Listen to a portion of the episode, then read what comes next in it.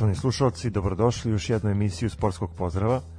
Novu emisiju započinjemo malo drugačije od običnog. Započinjemo je samo Stanislav i ja. Tozu pozdravljamo koji je opravdano odsutan i nadamo se da će nam se pridružiti u nekim narednim izdanjima. Pa eto da krenemo tradicionalno kako, kako Bog zapoveda sportskim da. pozdravom. Zdravo. Zdravo. Da, Toza je pao po, ovaj, pod metkom surovog kapitalizma, ovaj, koji je nažalost ovaj, u takvom sistemu, ali dobro, šta sad idemo bez njega, mislimo smo sa njim, jel? Ovaj, što bi rekli ovi što, be, što ispred Betanije što protestuju, nisi sam. ovaj, tako da... Dajemo mu podršku i nadamo se da da nam se pridružuju narodne emisije. Tako je, tako je. E, pa ništa, ajmo polako, mislim zaista e, od našeg prethodnog ovaj druženja svašta se izdešavalo. Uh, ajmo, ajmo redom, ajmo nekim redom. Ovaj, pa evo, ja bi, ja bi da krenemo prvo analizom učinka reprezentacije u toj utakmici protiv Azerbejdžana, odnosno gostovanja u, u Baku. Da, mi smo to tu utakmicu lepo najavili i zapravo se desilo ono što smo i očekivali. Toza nije došao zato što je promašio sa svojim predviđanjima. Ovaj ništa, teška, teška zaista teška utakmica. Ovaj mučili smo se i opet smo opet nam je taj Azerbejdžan pokazao da nam nikako ne leži, pa je kao i Kazahstan i sve te reprezentacije. Uh, Aleksandar Mitrović i Dušan Tadić vode reprezentaciju za sada ka, ka svetskom prvenstvu i nadamo se da će tako i ostati. Pa ajde prvo da krenemo ovako. Uh, opet se stvorio optimizam u našem ovaj, narodu da možemo da da napravimo nešto i drago mi je što su ljudi počeli ponovno da prate reprezentaciju i te dobre utakmice i dobre rezultati svakako podižu nivo našeg futbola koliko toliko. A što tiče Tadića i, i Mitrovića, oni su definitivno motori ove reprezentacije. Meni je drago što je eto uh, Sergej Milinković Savić shvatio svoju ulogu iz pozadine i mislim da do sada to dobro radi. Ali ajde ovako da sagledamo malo utakmicu sa Azerbejdžanom iz nekog drugog ugla. Lepo smo otvorili utakmicu. 1-0 Mitrovićev gol. Na lepo asistenciju Tadića. Stvarno dobra asistencija. Posle toga je malo, da kažem, opao ritam kod naših reprezentativaca. Pustili su inicijativu Azerbejdžana. Azerbejdžan je tražio neku svoju šansu i onda pap. Penal. Kako to obično bio, jel? Da. Niko nije očekivao penal, ali eto, došla je do njega, Rajković je bio savladan i onda kreće, po meni možda čak i najzanimljiviji deo utakmice, naša borba za tri boda. Da, s tim da je bitno to, znači e, penal je bio u 60. minutu, a onda zanimljive, zanimljive izmene. Znači izašao je umorni Filip Kostić koji zaista ima dve dobre utakmice za sebe, ali vidi se on je izašao iz povrede i onako zaista vidi se da nije imao snage. A ušao je Andrija Živković i umesto Nemanje Maksimovića ušao je Marko Grujić, onako uh, njih prvi put sad vidimo u ovom ciklusu reprezentacija, uh, da, ciklusu kvalifikacije da, da igraju za reprezentaciju. Ovaj I mogu reći da meni, pa i Grujić i Živković su zapravo ostavili sasvim, sasvim pozitivan, pozitivan utisak. Takođe. Mislim da je Pixi pogodio zaista sa izmenama. Uh, u, negde u 70 i neko minuta je ušao Luka Jović umesto Dušana Tadića. Uh, pa dobro sad tu koliko je Jović nešto uradio ili nije uradio to, to da je to za tu ovaj on bi kao prošli put verovatno dao dao jednu disertaciju na tu temu ali malo privatno ali dobro. Da da da ali ovaj ništa napadali smo definitivno smo mislim videlo se da smo kvalitetniji rival da smo bolji da nema šta moralo se moralo se ovakva utakmica pobediti ali nije nije bilo lako i ali bitno je tri tri boda se pišu niko neće pamtiti da li je bilo lako ili nije bilo lako. Tri boda i konačno osmeh, osmeh kad igra reprezentacija i vera, vera u te momke da može nešto se uradi. Kako komentarišeš igru Portugala? Pa dobro, kao, kao konkurenta u borbi za prvo mesto. A mislim definitivno će biti borba sa njima, to je jasno. Rekli smo da Irska, očekivali smo mi mnogo i od Irske, ali videlo se da tu jednostavno nema šta. Azerbejdžan može da odigra dobro, ali kod kuće u gostima oni neće biti ovako prepo, mislim ovakvi kao što su bili protiv nas. Uh, Portugal, pa dobro, pobedili su Luksemburg sa 3-1, mislim ako aktualni šampion Evrope ne može da da pet komada Luksemburgu, onda stvarno o čemu pričamo. Vidjet ćemo, zapravo ključna utakmica, ako sve ostane ovako, a nadamo se da hoće, ključna utakmica će biti zapravo u Lisabonu, jel? To je to je ono što je što sad videćemo da E, mislim da mislim da ni mi ni oni neće neće kiksati. To je to je sigurno. Mislim, put kroz kvalifikacije je jako dug i mi do te utakmice u Lisabonu imamo baš dosta. Tako je. Pritom poslednje kolo igramo sa njima baš na gostujućem terenu i time zatvaramo ove kvalifikacije. Sad ja gledam gde bi, na primjer, eventualno Portugal mogao da kiksne i ne mogu da pronađem stvarno utakmicu gde bi oni mogli da, da kiksnu. A, opet naša reprezentacija je uvek pokazivala taj stepen neozbiljnosti kada su u pitanju neke neatraktivne reprezentacije, futbalski rečnikom rečeno. Pa ne Tako bih, da- ja, ne bih ja rekao sad da, da, smo, da smo mi bili ne, neozbiljni, da nismo njih ozbiljno shvatili. Ja bih ovde više, uh, pa više ta, ta euforija, znači nakon Portugala, a i druga stvar, umor. Umor je svako, to je treća utakmica u 10 dana, mislim, to je, to je onako zaista, zaista ne znam, mislim, najviše bih okrivio, najviše bih okrivio umor i eto kažem tu euforiju, jer do momenta, znači kad, to je, to je naša standardna priča, kad god se ne obraća paž, javnosti na, na sportiste, oni donesu medalju. Onog momenta kad krenu da se veličaju, mislim to, kao kad smo bili domaćini jel, onog prvenstva u košarci, pa smo ispali odmah, znači odmah bude katastrofa. Tako da, pustite ih, nemojte, nemojte podizati euforiju, ne miriše na zlato na svetskom prvenstvu, znači polako, idemo utakmicu po utakmicu i samo tako možemo možemo uraditi nešto. To je moje mišljenje. Mislim, slažem se sa tobom, ovaj, sedam bodova od predviđenih devet. sasvim fantastično. Da ste imali utakmicu zapravo protiv utakmice protiv tri naj, najteža rivala, znači makar po imenima, mislim, ajde Luksemburg, stvarno svako poštovanje, ali mislim da to, ako, ako ćemo se sa njima meriti, onda ne treba ni da igramo. E, ono što je obeležilo ovu, ovo je svakako u rundu kvalifikacija, e, pa je ne dve utakmice, to je pobeda Severne Makedonije u Nemačkoj, to je, mislim, prvi poraz Nemačke od 1985. godine u kvalifikacijama, znači, eto, koliko nisu, koliko dugo nisu izgubili, tada su ih, mislim, Englezi dobili ili tako nešto, nisam siguran. E, Pandev, čovek Pandemija. pa, pandemija, da, čovek fantastično, fantastično, nema šta iako je ono u već poznim igračkim godinama, ali zaista je to bilo. E, Nemačka, ne znam šta se s njom desilo, ali Makedonija je odigrala solidno, dosta dobro i te akcije kod dati gola su bile pa akcije sa termina ono malog fudbala, zaista, zaista, zaista je to lepo jednostavno delovalo. To je prva utakmica onako koja meni ostao neki utisak, a druga je ono što je izazvalo najviše kontroverzija, to je Španija protiv samozvane Republike Kosovo ili samo prozvane kako god. Uh, ono što je taj, taj utisak, pišemo Kosovo malim slovom jer ih ne priznajemo, mislim onako Ja kad pogledam, na primjer, taj odnos Španije prema uh, našoj južnoj srpskoj pokrajini, odnos je prepun uh, neki, da kažem, dvosmislenih aršina. E, imamo Španiju koja je bila poprilično veliki zagovornik NATO bombardovanja i stvaranja takozvane a, Republike Kosovo i onda na drugoj strani imamo tim sportskim a, oružjem borba za, za kao neko pravo a, gde se Španija konkretno bazira na očuvanje svojih a, dveju pokrajina. Tako da, ovaj, mislim, šta, šta da kažem, naš olimpijski komitet je dao dozvolu još pre par godina da Kosovo može da, da igra međunarodne utakmice i mislim da je samim tim sve jasno. Pa jasno je, da, i mnogo pre toga, ali zapravo, mislim, ovde se ne radi o tome da smo da smo mi napravili neki, neki incident i drago mi je što to nismo mi, nego jednostavno njihov odnos njihov odnos je tamo onako, po meni, po meni zaista, zaista zanimljiv, a to je opet na, kod nas probudilo jel, u nekom sloju ljudi ovaj različite reakcije i komentare koji nisu baš onako sportski i ne priliče ovoj emisiji, mi, mi zato nećemo ni komentarisati to. Uh, ono što je još bilo zanimljivo i utakmice koje su bile zanimljive to je svakako pobeda Belgije nad Belorusijom od 8-0 gde je Belgija maltene izašla sa drugom ekipom uh, poraz Crne Gore u Podgorici od Norveške gde je Crna Gora napadala promašila milion šansi ali jednostavno još uvek još uvek im ovaj, nisu preležali te dečije, dečije bolesti Slovenci nakon poraza od nakon pobede pardon protiv Hrvatske su izgubili od Kipra. Da, to je meni veliko zaista iznenađenje. zaista iznenađenje.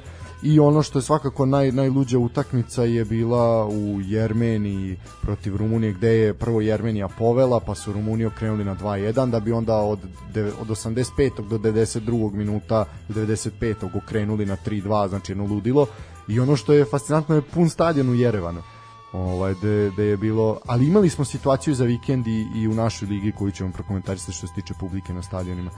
Tako da zaista je bilo lepo videti ponovo da se ljudi raduju i taj kadar na navijače prilikom postizanja gola, to zaista dugo nismo videli i onako prijalo je to zaista, čak mislim eto gledali smo utakmicu koja nas realno nije nije zanimala, ali bilo je, zaista daju posebnu draž i, i jako, jako fali I, I Jermenija i Rumunija su zemlje koje su prijateljske unosima sa našom, da. tako da smo morali da pogledamo tu utakmicu. Da, da, da, da, da, da, da dobro. E, pa to je to manje više što se tiče kvalifikacija, sad sledi jedna duža pauza, je li tako? I onda... Da, da, tek na, na jesen da. se nastavljaju kvalifikacije. Za sada, što se tiče znači celokupna ocena ove prve tri utakmice zaista ono vis, visoka i po meni je to ja, fantastično ja urađeno. Ono, vrlo dobar 4. Pa dobro, okay, zaista. Mislim da je to, ja bih čak dao i 4 na 5, ali dobro. dobro, mislim, sad zaista smo zadovoljni. To na lepe oči. Pa da, na Pixijeve lepe oči, ove suzne prilikom himne. Uh, tako da dobro je to sve i ako se ovako nastavi biće biće zaista fantastično. Uh, ništa, momci nisu imali puno, puno vremena za predah, morali su odmah da se vraćaju svojim klubovima i već za vikend su ih čekale obaveze u ligama s tim da sad imaju, svi igraju i vanredna kola u sredu, sredu četvrtak, jel? Tako da zaista zaista jedan jedan udaran tempo i zaista treba treba bi imati zavidnu zavidnu fizičku spremu i kondiciju. Uh, treba pohvaliti našeg novog ovaj sugrađanina i ovaj koji Atakumu Asana koji je postigao pogodak za reprezentaciju Japana u pobedi od 14:0 ovaj da eto uspesi naših širom sveta jel? Ono od klinci na matematičku olimpijadu ode Asano da go Mjanmaru. Ovaj tako da dobro ništa to je to je zaista svakom lepo. po zasluzi. Svakom po zasluzi da. Bilo je još dosta dosta superligaša koji su imali uh, pa zapažene zapažene minute i zapažene učinke u svojim reprezentacijama. Među njima je El Fardo Ben koji je bio jel u kvalifikacijama za afrički kup nacija. To je na primjer veliki uspeh za Komorsko za... ostrvo da zaista ovaj i bio je Gaylor Kanga isto koji je igrao zatim imali smo o, Natha koji je mislim čak bio strelac za Izrael uh, tako da zaista uh, pardon se i Duba Suma je bio strelac za Gvineju Sao Natko je samo Natko je samo odigrao utakmicu uh, i on je zapravo sa Gvinejom se plasirao na, na Afrički kup nacija što je isto fantastičan uspeh. Tako da to je sve bitno da se to podigne makar rating te lige koliko je to moguće pa makar to bilo i na utakmici Komorska ostrava i Gabon, ali dobro. Ništa, onda da se da se vratimo na, na našu A, ligu. To je to je bio uvod za našu ligu. Uh, naša liga je počela u petak. Uh, pa idemo redom. Ajmo od najnezanimljivije utakmice, pa ćemo postepeno. Uh, zaista, to su sve utakmice koje su se igrale znači u istom terminu i na polovremenu je svih utakmica pao samo jedan gol. Ali ajmo redom. Uh, Voždovac Mačva 0-0. Znači ništa. ništa. Ništa, ništa. Znači i to tako ćemo iskomentarisati. Znači bukvalno mreže su mirovale samo u Voždovcu, na svim drugim utakmicama je pao makar po jedan gol. Mačva je uspela da, da se odbrani, Zmajevi jesu napadali i Mačva je ovo tek peti bod na gostujućim terenima. I kao što smo i davno rekli... Od 29 kola pet bodova, pet bodova na gostujućim terenima. Pa nema šta, do, doviđenja vidimo se u drugoj ligi. Uh, to je to. Mislim da zvanično ono, ot, otpisali smo ih davno. Uh, ajmo dalje. Uh, Vojvodina Novi Pazar. Ovaj duel je bio zanimljiv. Novi Pazar je u naletu, to smo komentarisali. Vojvodina igra toplo-hladno. A u prvom delu sezone Novi Pazar je iznenadio Vojvodinu i čak dosta je to onako bilo žestoko u Pazaru. Međutim, eto, Vojvodina do bitnih bodova stiže, uh, nastavila je da brani tu treću poziciju koju Čukarički napada već nedeljama.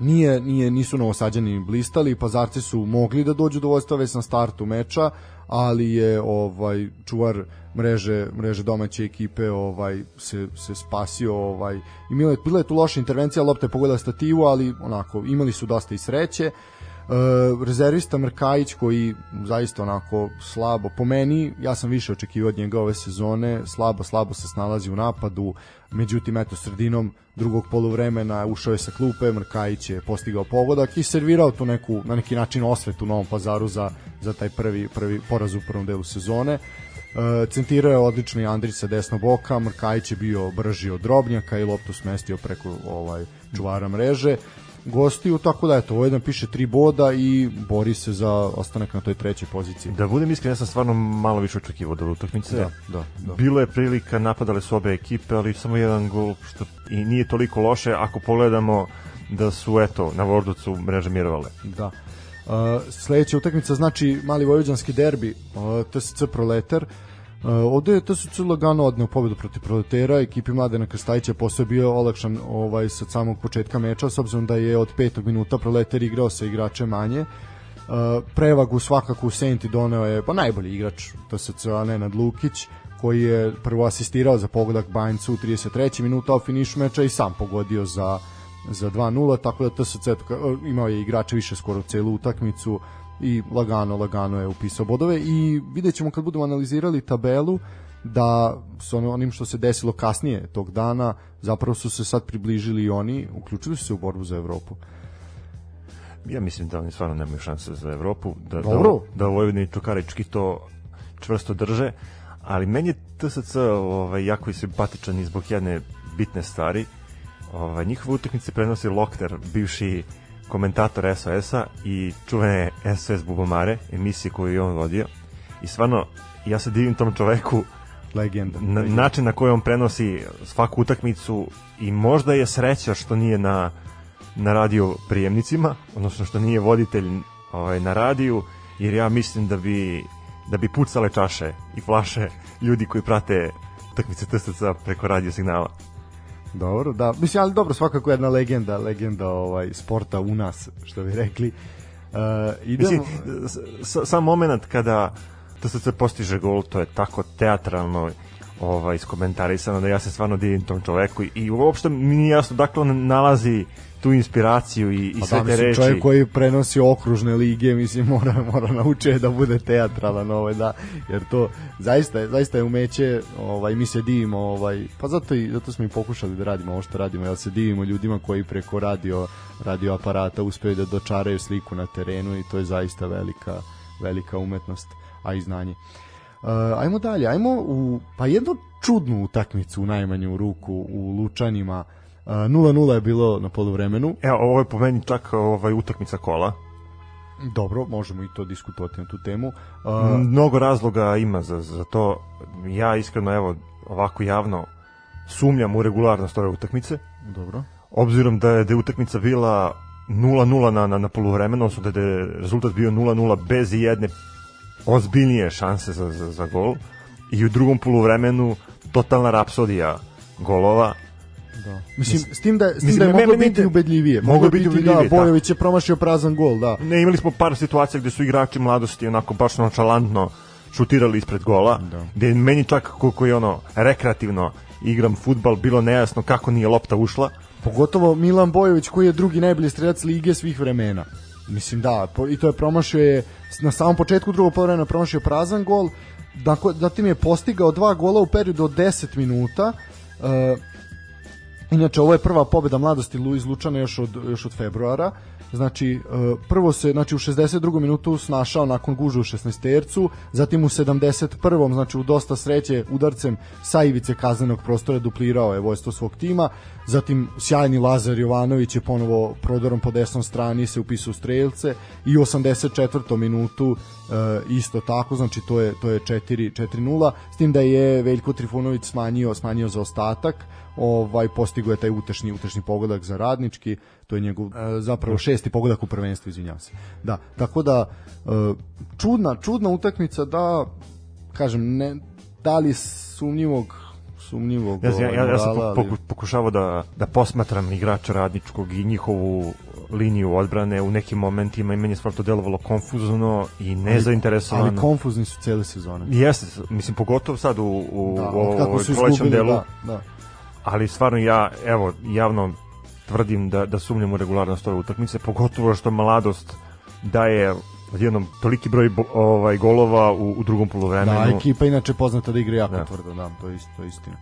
Eto, uh, imali su motivaciju na, na poluvremenu, možda ih je neko zvao u svačionici, možda da, su... bio je poziv koji se da, ne odvija. odvija da što bi rekla ovaj umetnica jedna. Uh, pa da, mislim prošlo kolo je, mi, mi smo nismo to hteli da komentarišemo, prošlo kolo je svakako obeležila utakmica Novog Pazara i Proletera gde su se čak mislim napredak iz Kruševca se oglasio ovaj povodom te utakmice gde je zapravo postavio pitanje kladionicama mislim zašto... da je to bilo za za rad za, da, za rad postavili. Ne za, Da, ne da, za- ali da, i Novi Pazar Proletar je bio, Da, bio da, da, ovaj, bio sumnjiv, da, ali i rad, isto tako, tačno, upravo si.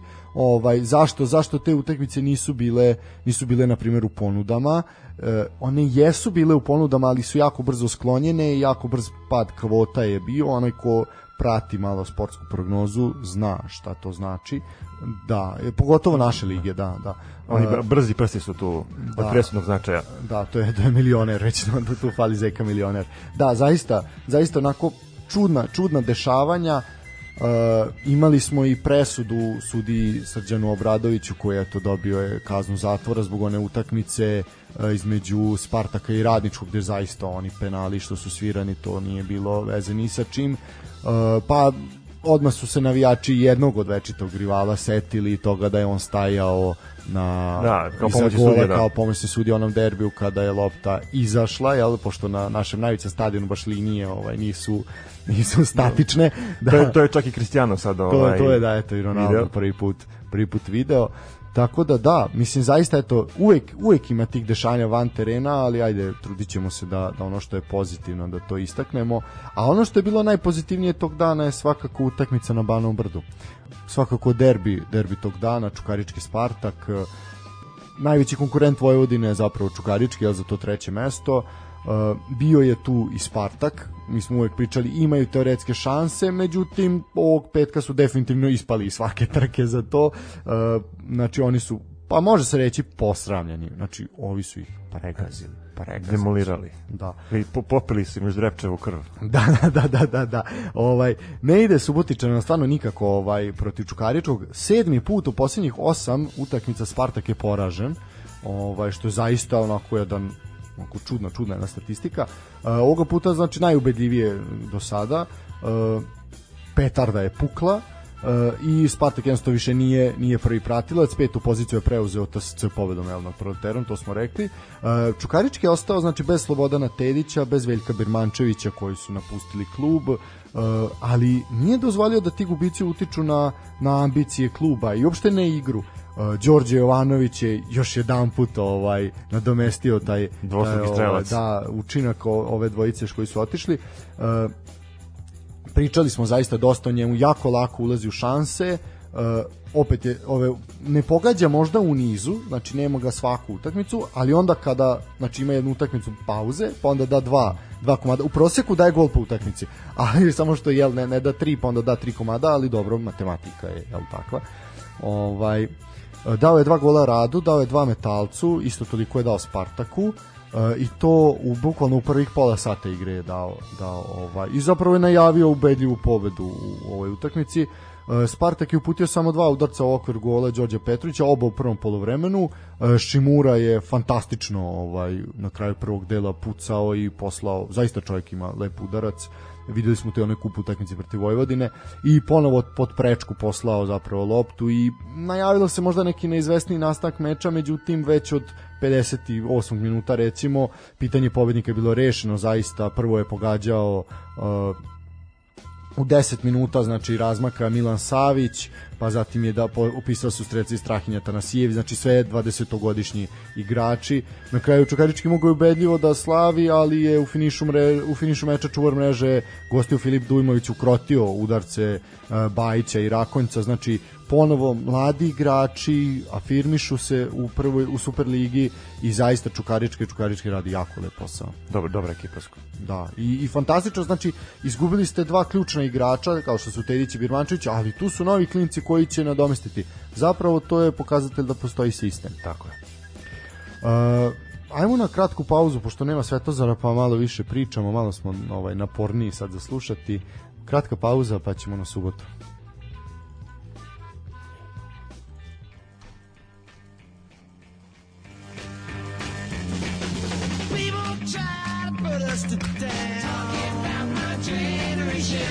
Just because we get around. Talking about my generation.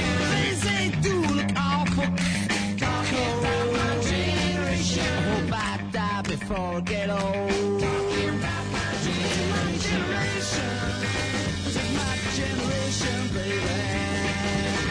Why don't you all fade away? Don't try to dig what we all say. Trying to cause a big s- s- sensation. I'm just talking about my. Generation.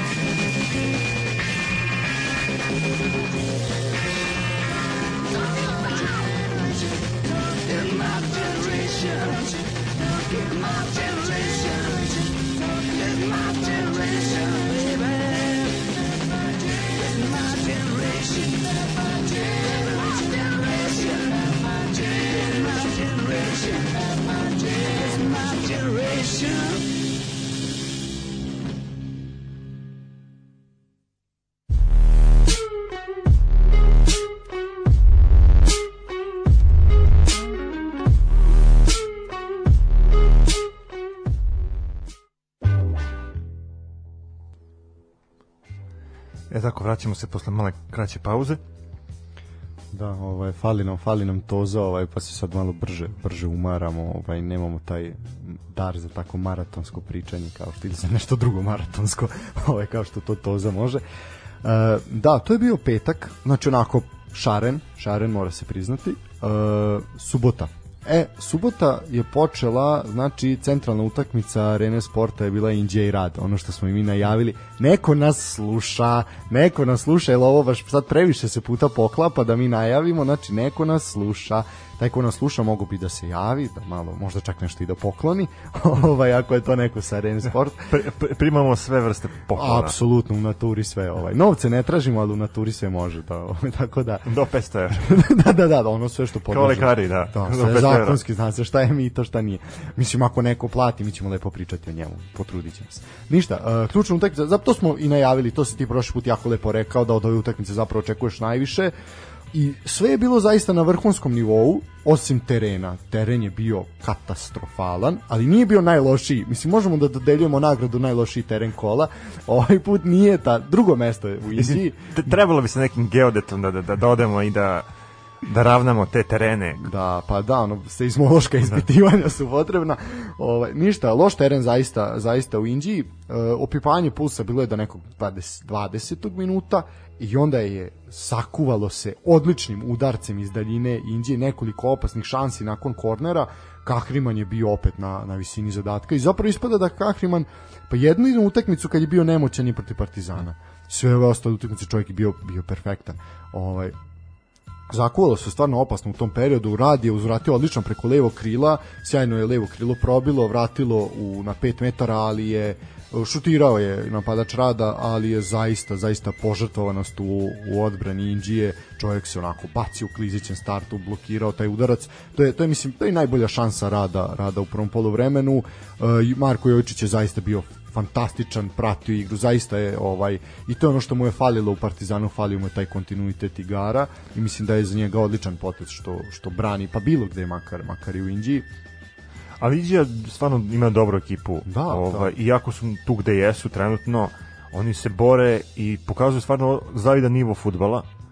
Koliko god možda nekim ljudima to delovalo čudno, obzirom da je Indija mali grad, da, da su sredstva koja se uložu u futbol poprilično mizerna, ali stvarno imaju solidnu ekipu za, za ove rang takmičenja meni je na primjer iznenadilo, ja sam stvarno očekivao od ove utakmice mnogo i to smo i, i, i dobili, Jasno, međutim samo taj jedan pogodak ipak malo razočarenje. Da. Očekivao sam borbenost, uh, nije srčanost nije izostajala nije i napadale su obe ekipe. Radi možda malo povučenji bio. Da, ali imali su igrača manje, znači od 56. minuta su imali imali igrača manje i zapravo kada mislim, se mislim u nekim momentima da da je, da je rad u trenutku kad kad je isključen igrač pokušavao samo da izvuče bod i mislim da bi to bilo za, za njih ogroman da, značaj. Da ali eto nije se to desilo. Da, nakon Inđi... tog isključenja, nakon isključenja igrača rada, znači zaista nije bilo puno po, puno vremena potrebno Inđi da konačno postigne pogodak.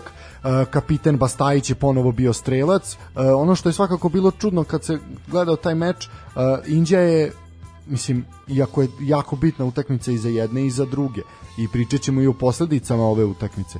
Uh, trenerski debi Gorana Milojevića zaista jedna jedna legenda legenda našeg futbala i čovjek je izveo dva napadača, s tim da nema drugog klasičnog napadača, Brana Ilić je odsutan, znači igrao je Bastajić koji je zapravo po vokaciji levo krilo, čovjek je igrao, znači bio je te neki 4-4-2 sistem i to se na kraju pokazalo kao, znači isplatilo se, jel?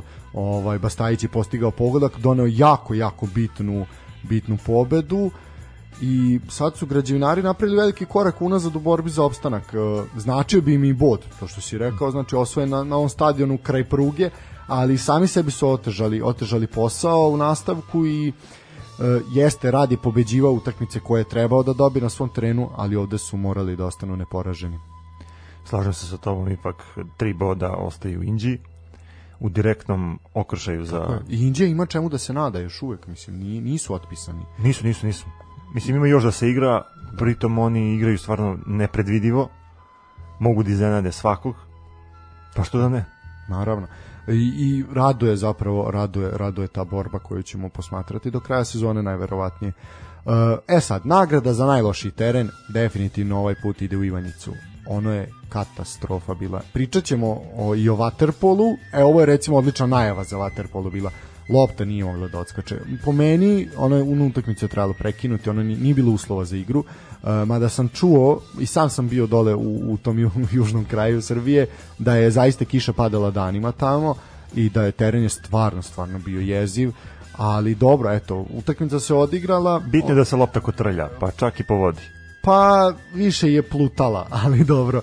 E, ništa, ono što je zapravo bitno što se tiče ovog meča, to je pa pogodak kola, ako ne iz sezone, no. zapravo mlad, mladi Marko Pantić je u četvrtom minutu utakmice, pogotovo sa centra igrališta je lobovao golmana Javora Đorđa Lazovića, mali je karambol bio na centru, Pantić je prihvatio loptu, pogledao je, vidi se da znači čuvar mreže zaista je bio jako visoko, visoko postavljen i rešio je da oproba sreću, zašto da ne i zaista prelep, prelep ovaj perfektno izveden udarac, ali zaista i, i lep, lep gol. Uh, iako video je Lazović tamo se sprema, pokušao je da se vrati unazad, međutim nije nije ovaj treba uspeo. imati snagu za za ovaj udarac. Treba imati snagu, treba imati i petlju.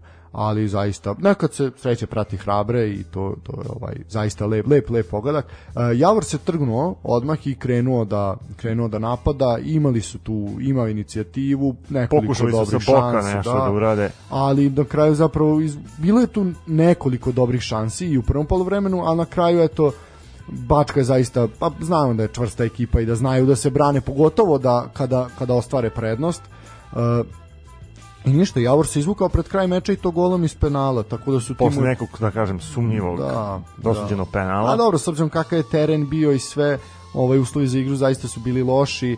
Tako sve da... svemu igranje rukom u 16, da. sudio karakterisao kao kazneni udarac. I ništa, 1-1 podela bodova, Pa, ba, više su ovde, na ovom meču više su bodovi značili Javoru nego otpisane Bačkoj, ali dobro, i tu, i sad oni, oni, oni će doći u problem, ali dobro, analizirali, analizirat ćemo tabelu, kao što smo to i radili prethodni puta, i idemo u Surdulicu. E, otpisana Čajetina, više puta smo otpisali, ovaj, čak je to je, pošto sam bio ovaj, na putu u Užicu, pa sam prošao pored stadiona Slobode, koji trenutno jel, služi kao domaći teren ekipi iz Čajetine, pa rekao sam da su otpisani, da ne mogu ništa, da se ne nadaju puno, ovaj, ali dobro. E, ništa, ono što je bitno reći, hvalimo radnike Surdulice zaista iz nedelje u nedelju. Odlično i igraju. Ljudi igraju bez dileme najbolja sezona u istoriji kluba. Znači to, to se ne može uopšte sporiti. Uh, Milan Makarić dva nova pogotka, ponovo je pobegao konkurenciju u trci za zlatnu kopačku Superligu Srbije ili smo rekli već zlatnu gumu. Ovaj takvog golgetera stvarno, stvarno ekipa iz Surdulice nije imala mislim nikad. Mislim, niko nije očekivao uopšte da, da, da, Da, može doći do ove situacije Da, da, da. da neko iz Surdulice bude na vrhu liste srelaca. Da. Ali eto, njemu to ide poprilično dobro ove sezone i vuče Surdulicu ka gornjem delu tabele. Da. Što, što više može. Ove, eto, dva gola u ovoj utakmici. to u razmaku od 3 minuta je postigao dva gola, da. Uh, znači, mislim, Zlatiborci se jesu držali ono skoro sat vremena, ali jako lako je radnik dolazi u prilike i u prvom poluvremenu i zaista je to moglo biti onako i, i ubedljivije. Međutim, onda Makarić, jel kao smo rekli, u, bukvalno u 3 minuta uh, dva pogotka. Prvo je bio penal, znači koji je Makarić pre, ovaj, pretvorio u vojstvo, a zatim eto nekih 120 sekundi kasnije isti igrač je podigao prednost, znači onako zaista, zaista dominantna, dominantan radnik iz Surdulice. Pa i ništa, Zlatibor je jedan korek bliži, jed- da kažem, jednu nedelju su bliži tome da će se vratiti u prvu ligu i mislim da im je to jasno i to su već, to smo i sumirali prethodno. Samo prethodnoj malo napravimo epizodi. jednu digresiju. Naša reprezentacija igra prijateljsku utakmicu protiv Katara. Da. E, to je utakmica koja je zvanično ovaj ne, neprijateljska da se tako izrazimo, odnosno oficijalna je, jer je Katar domaćin, pa u našoj grupi ovaj kojih ima pet reprezentacija upada kao šest. Da li misliš da bi na primjer možda Stojković mogao da pozove neke od igrača iz Linglong Superlige Da. i ono što meni pada na pamet je da li bi možda Makarić mogao da, da predvodi napad reprezentacije bar u toj jednoj prijateljskoj utakmici, odnosno zvanično prijatelj. Ok, odlično, odlično pitanje. Ajde samo pre, pre nego što odgovorim to reći ću samo da je, a bitno je spomenuti, Krstić je pogoda, postigao pogodak za Zlatibor i utakmica se završila rezultatom 2-1. To je što se toga tiče. E sad, što se tiče tvog pitanja. Uh, imali smo primer, svi smo pratili Dinamo protiv Tottenhema. Uh, fantastična partija Mislava Oršića, čovjek je dao tri komada velikanu engleskog futbola kao što je Tottenham i on je zaslužio poziv za reprezentaciju. Uh, odigrao je, mislim, u utakmici protiv Malte, ali znači mislim da treba nagraditi igrače, pogotovo u prijateljskoj utakmici i nadam se da će selektor Stojković ovaj pozvati. Ima tu nekoliko Mislim, ta momaka. utakmica nema Ne znači neki rezultatski da, značaj da. I mislim da je stvarno dobra prilika da se obrati pažnji na igrače koji eventualno mogu da, da, da, da ođu u poziciju da napadaju neko od tih uh, mesta u, u reprezentaciji Senke. Možda čak i, i u ovom slučaju uh, kada govorimo o napadačima to i nije realno Da. za Milana Makarića, ali stvarno on je ove, ove godine pokazao da je stvarno rasan golgeter, bar u našoj ligi i u ovim našim uslovima i možda mu stvarno treba pružiti šansu bar u toj jednoj utakmici. Pa ja se ja Mislim se da bi to bila nagrada i, i za njega samog i za, i za futbolski kolektiv u Tako je, mislim, zaista, zaista bi to bio odličan potez da onako, da se nagradi ovo, jer zaista, zaista je ovo veliki, veliki uspeh. Uh, postići toliki broj golova, pardon, toliki broj golova za ekipu koja ne igra ofanzivno. Znači, ja, mene samo zanima koliko bi on golova imao da igra u Zvezdi ili Partizanu.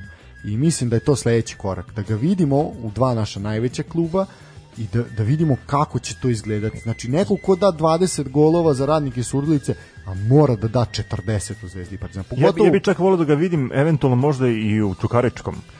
Što da ne?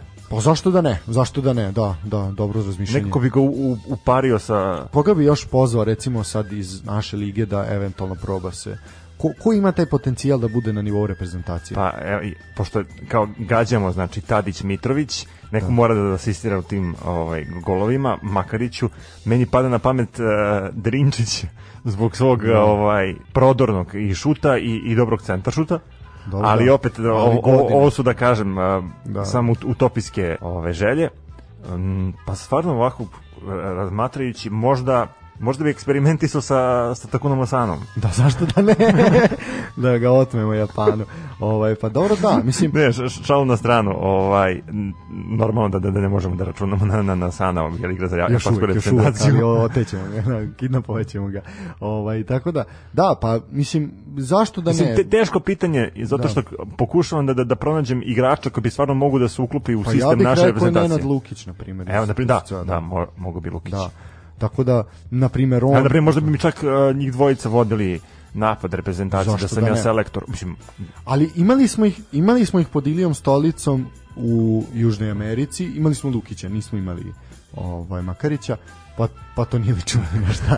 ovaj, ali dobro, sada imamo Pixija na, na, na stolici, jel da, ne Iliju stolicu na stolici, tako da ovaj, možda, će, možda će to biti drugačije. No vidjet ćemo, verujemo, za sad Pixi opravdava poverenje i nećemo mu se mešati u posao.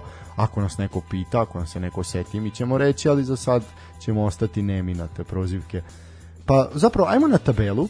Idemo sad, sad ćemo malo napraviti ovaj, jednu vratolomiju. Idemo na tabelu, pa ćemo se onda baviti Zvezdom i Partizanom, može, slažem. pa i najavom, najavom onoga što sledi. Znači, namerno ćemo izostaviti Zvezdu i Partizan. E, ovako, ajmo opet, tradicionalno pitanje, pošto nema Svetozara, postavit ću ga tebi, hoćemo od dole ili od gore. Pa, ajde ovaj put da, da, da rotiramo i da, da završimo već jednom sa, sa tim Sa glupim fazonom, da, ovaj, dobro. Ne, sa, sa, sa tim, ovaj, da, kad god analiziramo, uvijek mi je interesantniji ovaj, donji deo da tabele. Da, da, znači ovaj put idemo spreda, a ne od pozadi.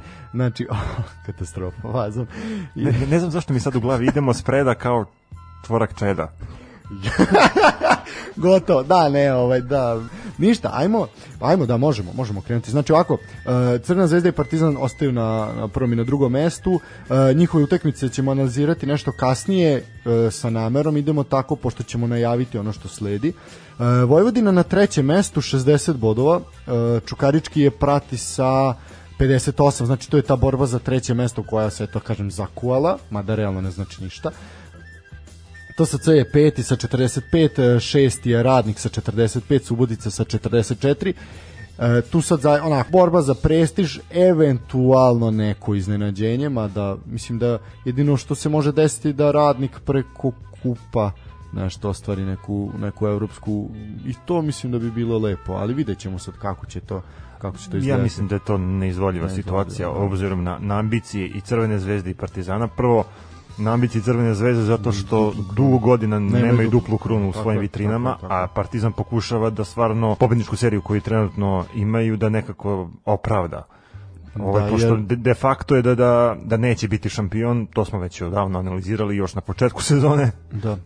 Ovaj, eto, ajde, ba, ne znam, volao bi stvarno da, da, da vidimo nekog drugog osvajača kupa osim večitih. Prošle godine je bilo to Vojvodina, mada eto, možda i ove godine se to ponovi novosađenjima da, da, Da, dve godine za red uzmu kup.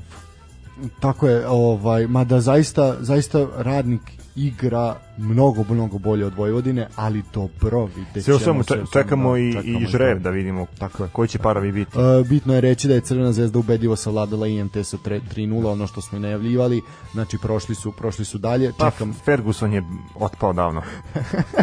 da, davno je za penziju. E, ništa, idemo dalje. Znači, Spartak je sedmi sa 44, Proletar je osmi sa 42 i e, Radnički Niš je deveti sa 38, Metals deseti sa 38 i to su ekipe koje zaista ne moraju da brinu. E sad, oni koji treba da se zabrinu, to je Voždovac, 11. sa 37, e, 12. Mlado sa 36, 13. Javor sa 34, 14. Novi Pazar sa 33, znači Novi Pazar je prvi tim iznad crte, E, ako ostane ovo da ispadaju šest, šest ekipa, mada vidjet ćemo, svašta se tu dešava i priča se da će biti promene takmičenja, ali ajde, vidjet ćemo, nadamo se da, da se to neće desiti, da opet nećemo imati menjanje pravila u, ono, u tri kola pred kraj sezone, ali dobro. E, Rad je 15. sa 30, napredak je 16. sa 29, Indija 17. sa 29, znači sad imamo tri ekipe na bod. Tri ekipe na bod u borbi za opstanak i to to će biti izuzetno, izuzetno zanimljivo. Zlatibor je 18 21, tu oni su otpisani, Mačva već odavno je otpisana sa, isto sa 21 bodom, ali već smo davno znali da tu neće biti ništa. I Bačka onako poslednja ubedljivo sa 16-16 bodova. U suštini, koliko se me razumemo, već imamo tri šut karte Tri imamo, podeljene. da, tri imamo, znači, da. traži se četvrti kandidat. S tim da u toj borbi... Jer ja, znači, ja sam stvarno ubeđen da, da, da će Fudbalski savez, odnosno zajednica Superligaša, promeniti. promeniti ovaj, i da će četiri ekipe je ispasti iz lige.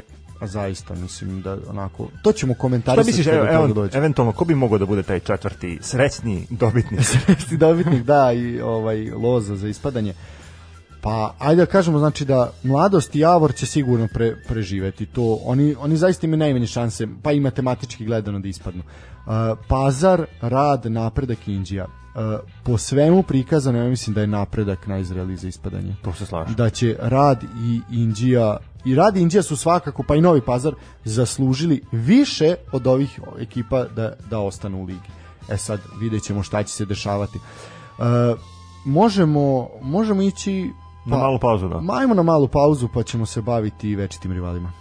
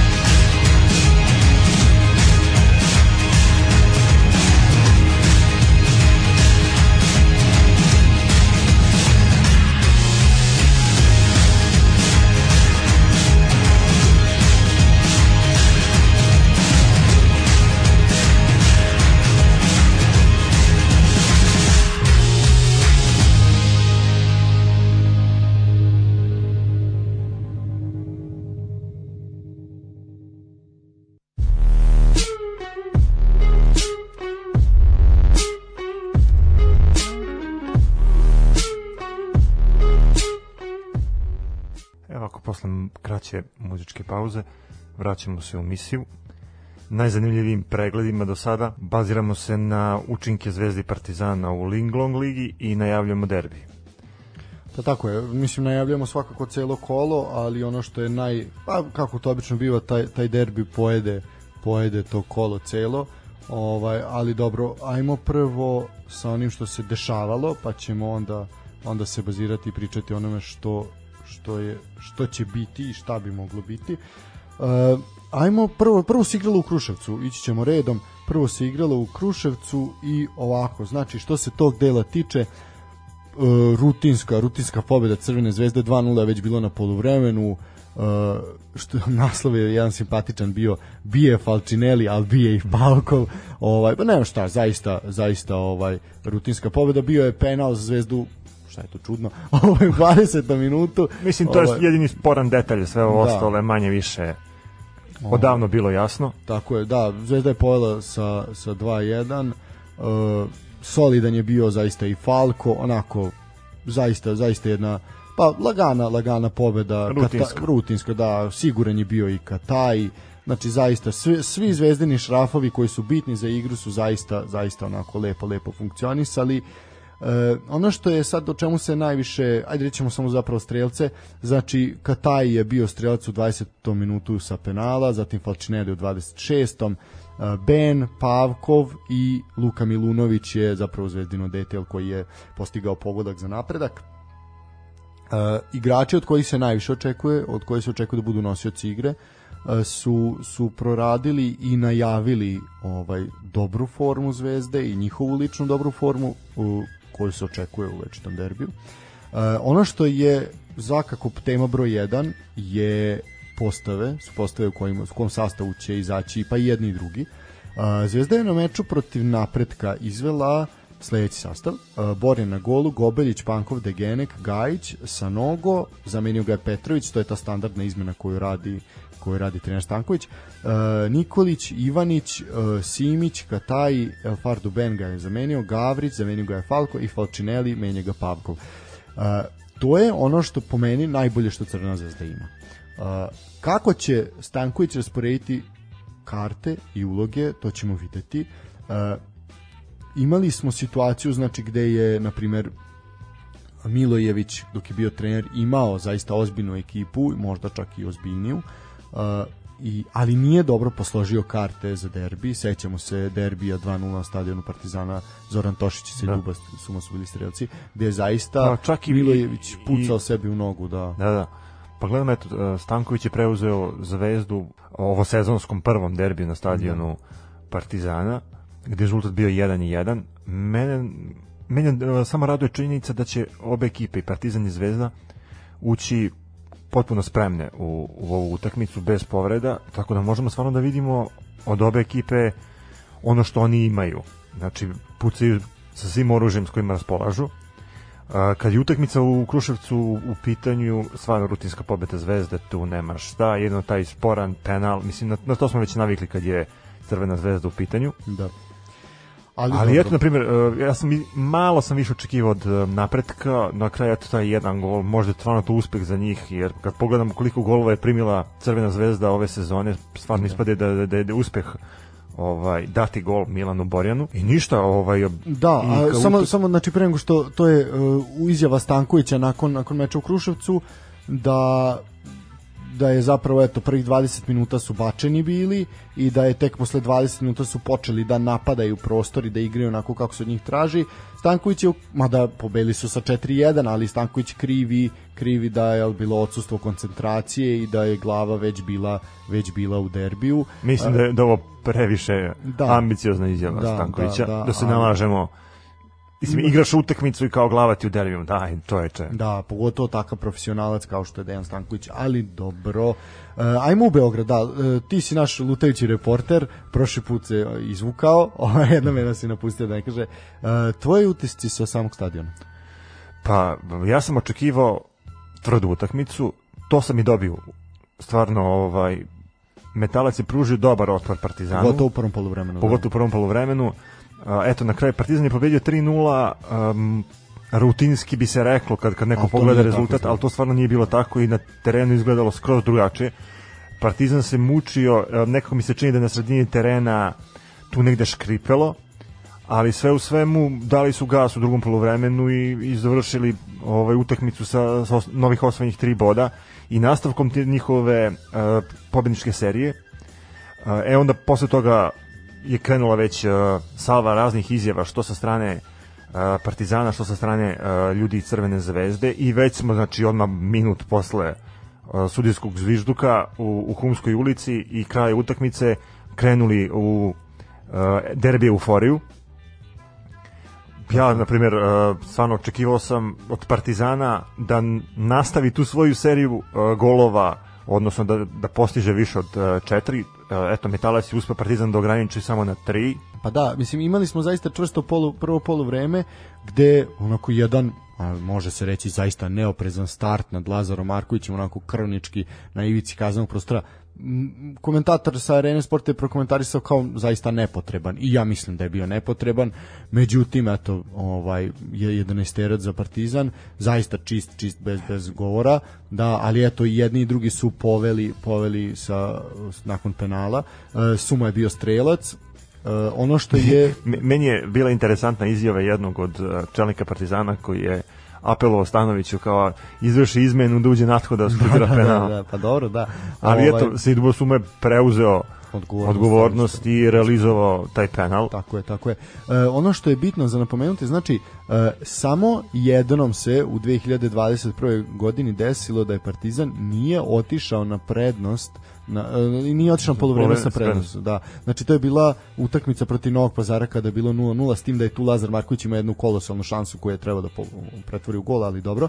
E, znači, na kraju znamo kako se ta utakmica završila. Zapravo je Novi Pazar bio do skoro jedini tim koji je postigao gol na stadionu Partizana, jel posle to uradio Zlatibor, da li je hteo ili nije hteo, o tome smo već pričali. E, znači, imali smo Sidubu Sumu, znači koji je postigao pogodak. U drugom polovremenu se to polagano u dve, u, bukvalno u 10 minuta. Prvo je Miloš Jojić nakon jedne katastrofalne greške postigao pogodak za 2-0. to je Rutinski bi Da, to realizovao. 52. minut.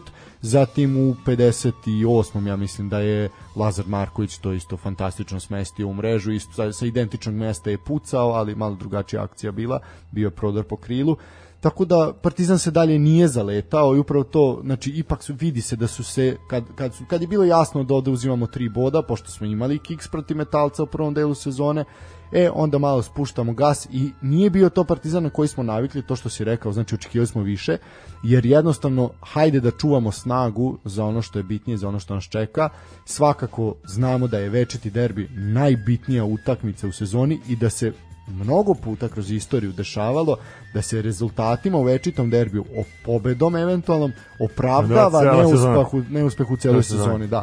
E, ono što je izjavio trener Stanojević nakon utakmice je Ja, ja bih samo pre nego Da. što se osvrnemo na Stanovićevu izjavu napomenu i, i apelujem na, na sve svetske medije ako mogu da, da dovedu svoje uh, TV reportere uh, da isprate derbi jer ovo je utakmica između uh, dva tima koji imaju najveći broj uh, Najveći niz pobeda u Evropi, tako je, mislim da. da je stvarno ovo je uh, sukob ozbiljnih uh, fudbalskih ovaj pobednika Pa da jeste, tako izrazim. zapravo jeste, tako je.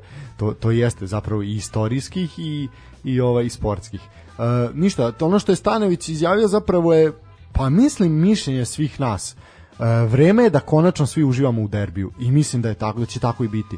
Po onome što su do sada prikazivali, znači lepršave igre, e, atraktivne, napadački, znači sa velikim brojem golova, ja se nadam da konačno ćemo gledati takav derbi, da neće biti 0-0 večito, 0-0 je večito borba, da će se konačno malo, malo ovaj, da kažem, zaplesati, zaplesati na terenu. Uh, bio je kratak što se tiče izjave trener Stanović, znači rekao je isto to napomenuo je veliki broj vezanih pobjeda i jednog i drugog tima i očekuje da od derbija svi uživamo ono što je rekao da uh, Partizan u odnosu na meč u prvom delu sezone protiv Metalca zaista izgleda mnogo ozbiljnije. Uh, trener Stanović je takođe istakao tu slična, slična forma, znači kao i Stanković, razočaran je što to nije bilo to kako je očekivao, znači mnogo grešaka, zapravo i on je i on je provukao kroz taj kontekst jel da je glava već igračima bila bila u derbiju, mada to nije direktno izjavio.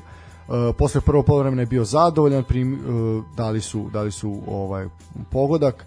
uh, onako u suštini nisu mogli da dođu do neke lepršave igre, ali to metalac nije dozvolio. E sad je glavno pitanje što se tiče derbija.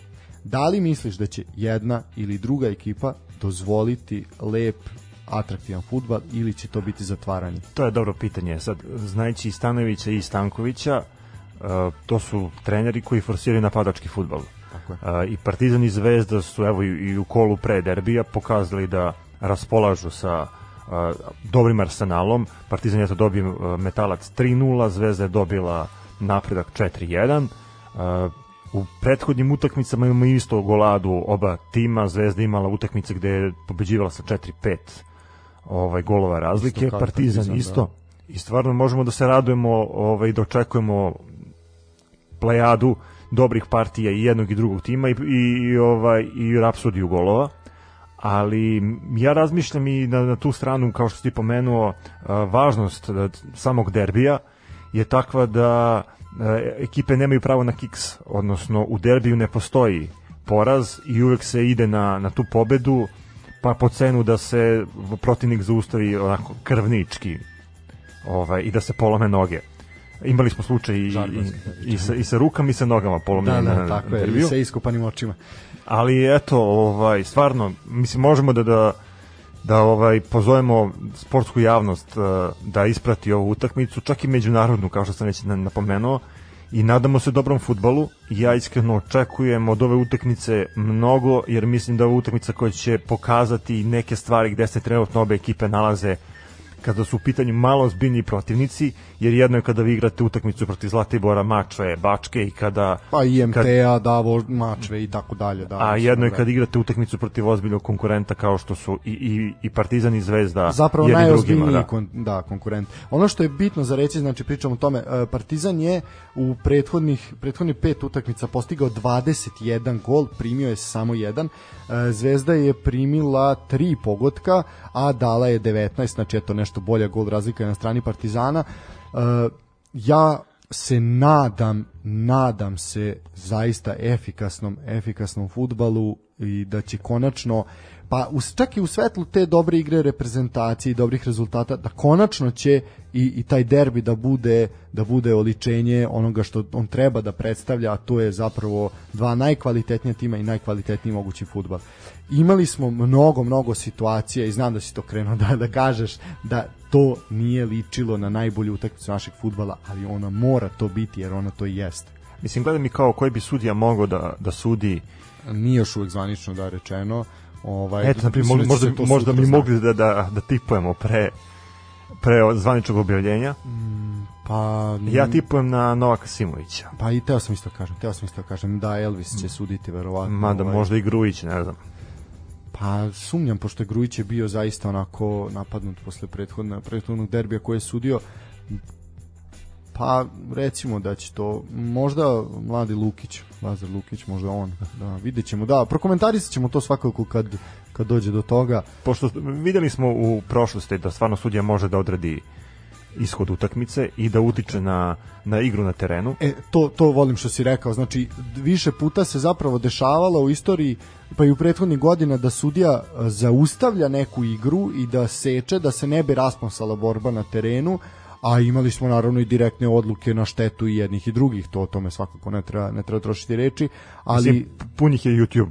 da, zaista, Pogledajte. zaista i srž svakako tih sukoba i, i trvenja između jednih i drugih i jeste i jesu takve, takve i ove utakmice. Ali kada kada je derbi u pitanju, a, rat nije samo na terenu, rat je i na tribinama, Ne, pošto sad nema, se deli na pola, pošto da. sad nema ovaj prisustva publike, a, sada će verovatno krenuti i rat m, u novinama i će društvenim mrežama, da. naravno. Da, pa mislim vidjet ćemo sad na koji način će se iskaliti iskaliti ovaj da kažemo ta, ta energija. E, svakako da bi o, da, da je publika prisutna na stadionima o, za ovaj derbi bi vladalo izuzetno interesovanje. Znači Mislim da bi stadion bio pun definitivno. pre, da sigurno krcat posle dugo dugo vremena. Uh, ali dobro. Šta je tu je, pratit ćemo, za sada je sigurno, znači da se derbi igra u 18 časova u sredu, uh, prenos je za sada samo na Areni Sport uh, ostali smrtnici koji nemaju arenu sport se nadamo se da će B92 otkupiti prava za prenos. Mislim da će do toga doći ali ne mogu da tvrdim dok ne bude zvanično. Mi ćemo svakako o tome obaveštavati na našoj Facebook stranici koju ko sluša molimo da zaprati. Sportski pozdrav na Facebooku za sada i na drugim mrežama uskoro. Uh, ajmo, ajmo najaviti i ostalo kolo pa ćemo se ponovo posvetiti derbiju. Znači ostatak kola ovako uh, še, sad tu, ovde stoji da nekoliko, nekoliko termina. Uh, svakako znamo da će se to sutra sve ažurirati ali idemo redom. Uh, Mačva dočekuje mladost. Mačva otpisane to smo rekli. Uh, mladost ima potrebu za bodovima da bi onako i sigurno sigurno potvrdila opstanak. Možda i potrebu za golovima, pošto su ušli u seriju. da da tako je. Uh, Novi Pazar Bačka Topola. E tu se E, to je, to je, to je utakmica koja Da. stvarno zavređuje pažnju posle večitog derbija.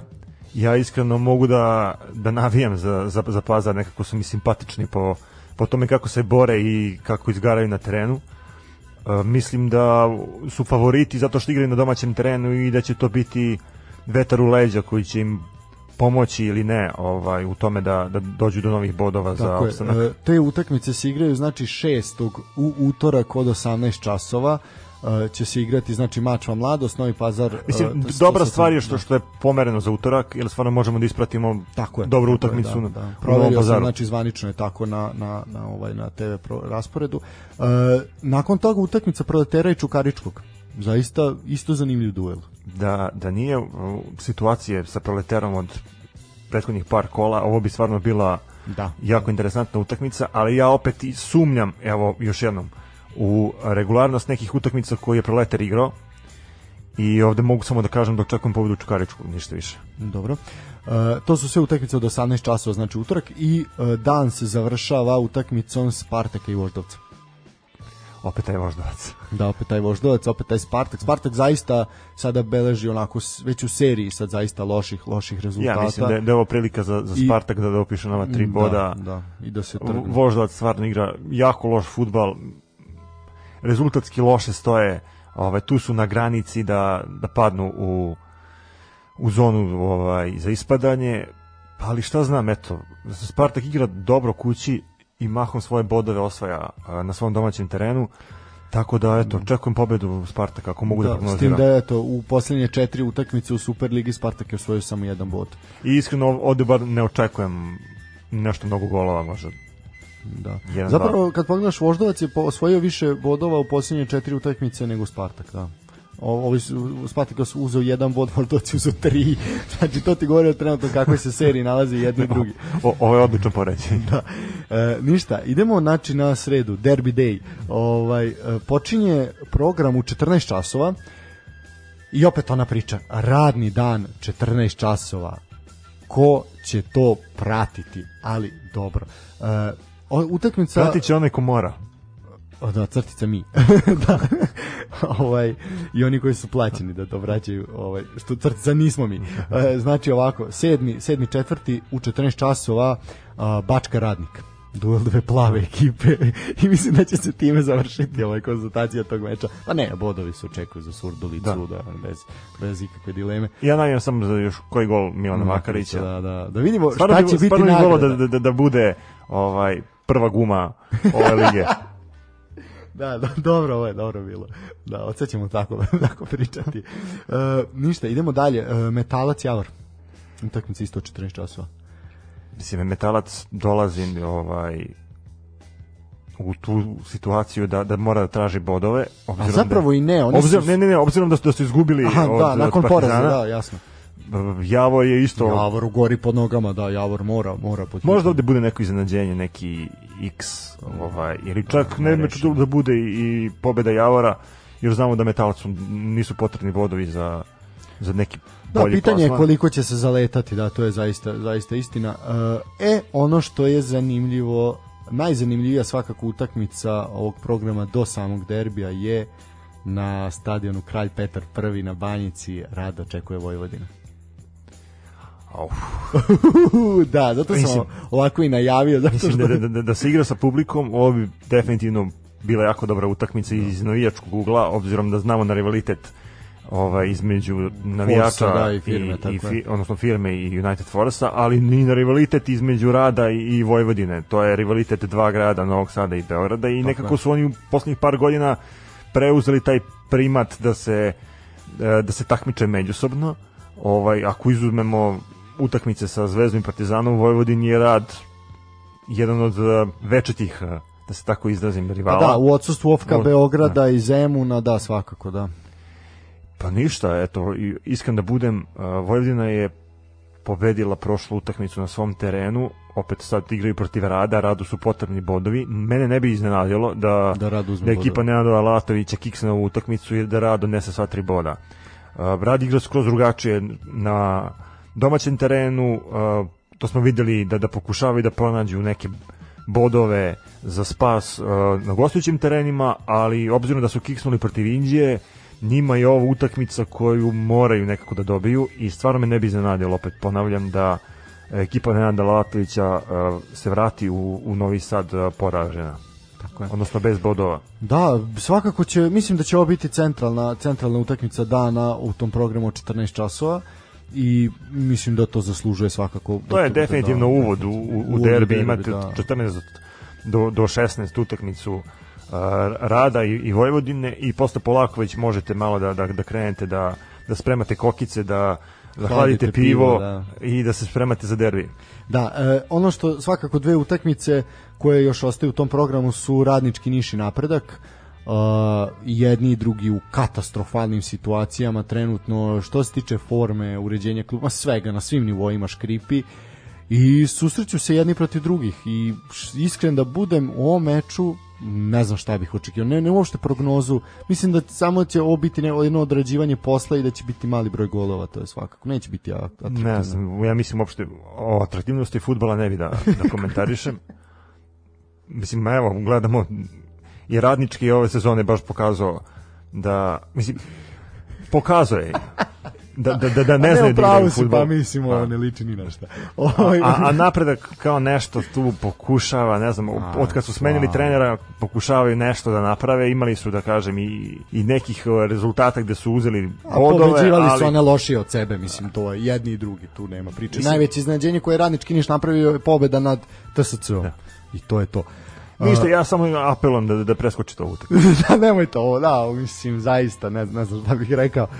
I utakmica koja će biti zanimljiva, uh, i čak možda i zanimljivija od Niša i napretka, a mislim i kvalitetnija, to je Zlatibor Čajetina Indija. A pazi sad ovo, imamo kao uh, sudar plavih ekipa, sudar crvenih i imaš sad sudar, sudar zelenih. zelenih ekipa, da. da. E, pa do, mislim, kad je tako, jednostavno je tako. Ovaj, posle ćemo doći do sudara ovih što su na prugi. Ovaj, e, ništa. E da, i sudar tih koji, koji su na Koji su pruge. na pruge, da. Ni- Ništa, život je ponekad Benetton. da, da, eto, eto, reklame za Benetton. Ovo se može iseći, lepo upakovati, javite nam se. da, ovaj, zaista lepa promocija. E, ništa, što se tiče Čajetine i Indije, e, po meni Indija veliki favorit, pokazanom igrom, e, igrački apsolutno na svakom nivou i mislim da ovde Indija mora da uzme bodove. Mora, pogotovo što i Pazar, a i Rad imaju teške teške protivnike i malo je verovatno da će lako uzeti bodove, da će, znači nisu prerano upisani bodovi. Indija ima priliku da ovo je ta šansa, ta meč lopta koju čekaju da se izdignu i da konačno izađu iz te opasne zone. Ja ću biti slobodan, pa će ovu utakmicu okarakterisati kao eco game. pa očekujem iskren da budem bodove Indije. Ne, pa dobro da, je pravo si. Ove, pa dobro da, pa slažem se s tobom, da. Mislim da, mislim da pobeda Indije se ne dovodi, ne dovodi pitanje, strašno. I onda od 18 časova 164. prvenstveni derbi večitih rivala, dve, dva tima na pruge. Bićete dva- jedino uskraćeni za, za sukobe na tribinama i oko stadiona. Da, neće biti požara, bakljada, topovskih udara, uh, tako da to... Parola protiv Saveza. Pa da, skandiranja predsedniku i tako dalje. Mada da sada je ovde neki zli jezić će, reći, će reći da smo isekli Svetozara namerno pred ovu utakmicu, mada je on nama poslao svoje predviđanje ja ću svakako reći da on je predvideo nerešen, nerešen ishod. Uh, I mislim da nema, nema to ovaj pa nije neosnovano. Nije neosnovano možda da, da nerešeno Ali sa golovima bude. ili bez, to mene A zanima. nije rekao, samo je samo je prognozirao čist X. E, imamo takođe, e, znači na primjer ako predlog je loša utakmica, ali pobeda Partizana, zatim imamo i optimistične 7 plus golova, što nije nemoguće kada se podeli jel, gol razlika To su sve komentari ljudi koji, koji prate se i koji prate našu emisiju. prate da emisiju. E, tako da ajde ajde sad da mi kažemo naše predviđanja. Šta očekuješ od derbija? Ja prevashodno od derbija očekujem uh, srčanost i borbenost obe ekipe. To neće izostati, da. Očekujem uh, duele i na sredini terena, pogotovo na sredini terena. Dobro. Ovaj očekujem od Partizana da proba, ajde prvo od Partizana. Očekujem od Partizana da da, da proba uh, dugim loptama da da gađa Holandera. Uh, očekujem od Partizana da proba sa bočne strane da napadne Crvenu zvezdu i mislim da će oni forsirati jednu stranu koja je ovaj slabija. Očekujem od Zvezde uh, sličnu situaciju gde će Zvezda probati sa, sa preko boka da da dođe do pogotka i očekujem uh, da će ti napadi ići preko preko Miljkovića. Ovaj od, Miljković inače upisao asistenciju u prethodnom kolu, da, znači ima, ima, ima smisla to. na- mislim da njega napadaju pošto on poprilično često ide Da. ovaj napred. Uh, mislim sad kao razmišljam ko bi mogao da bude evo to bi te, mogu tebi da da postavim pitanje ko bi mogao da bude junak derbija uh, sa obe strane. To je jako, jako teško za... za Da li možda, uh, eto, Miloš Jojić je bio u prilici da, da reši derbi? Da, da. Pa jeste ga rešio, da. Pa da. Ovaj, pa ovako, znači, veliko je pitanje, znači to smo već pričali, u, sa kakvim postavama će izaći i jedni i drugi. E, mislim da tu E, čak... opet, kako kako Da. kod toga, izvini što te prekidam, ovaj, interesuje me, na primjer, koja bi dva mladi igrača mogla da budu u, u Bonusi. sastavima? Da. Da. Uh, e, to je jako dobro pitanje. Znači, u Partizanu svakako imamo Tozu Markovića i mislim da će derbi početi Jović. Znači da će time, time Da Stajnović... će probiti led. Da, a da će na golu biti Stojković. Da, da, da, ja isto Da, tako, tako da. mislim. Mislim da, da, da je Partizanu važno da mu Stojković, Stojković da. bude na, Da. na, golu. Uh, Miljković će svakako biti na desnom beku, Vlalukin mislim da neće neće igrati derbi, uh, s tim da bih ja stavio možda Uroševića pre Ivana Obradovića na levom beku. Uh, pitanje je da li će Igor Vujačić, popularni kiflica, biti u štoperskom tandemu sa, mada verovatno je da će on biti sa sa Markovićem. da, da Banjak neće, neće početi. Uh, pošto imamo i broj stranaca, jel isto se mora pratiti. Uh, e sad, vezni red, jako velika dilema. Zdjelar, Natho ili Jojić. Ili Šćekić.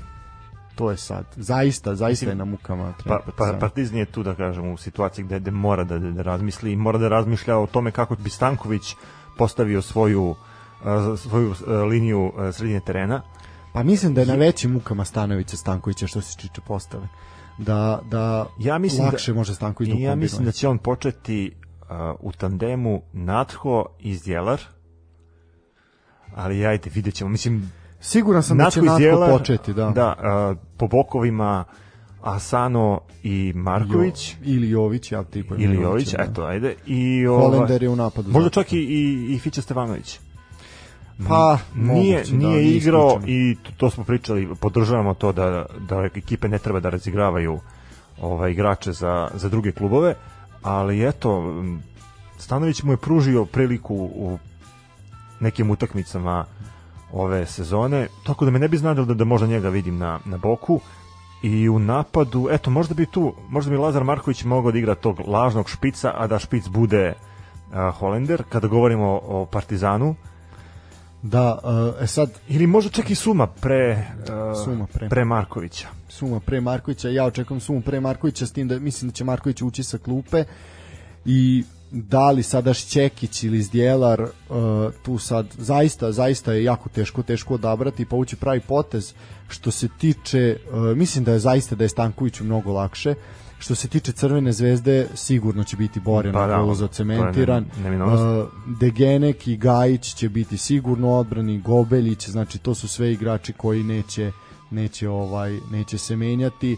Takođe uh, Pankov će verovatno činiti isto štoperski štoperski tandem sa sa Degenekom možda možda bude Milunović videćemo sad to ali mislim da će Pankov dobiti dobiti šansu pre sad tu imamo Ivanića koji je u fantastičnoj formi, Kataija koji je u fantastičnoj formi, Veljka Nikolića, Sanoga, El Fardubena, znači, ali mislim da je da je lakše jel zna se ko je prim... znači Falko će verovatno ući sa klupe Ben će startovati pa će ga sa nogom možda zameniti Falčinelli će verovatno startovati pa će ga Milan Pavkov zameniti. Znači mislim da je mnogo, mnogo lakše pretpostaviti šta će se dešavati u tom taktičkom smislu u taboru Crvene zvezde nego u taboru Partizana uh, Dobro, onda šta misliš ko bi mogu da bude heroj derbija? Ah, ko bi mogu da bude heroj? Uh, pa nadam se samo da sudija ne bude heroj.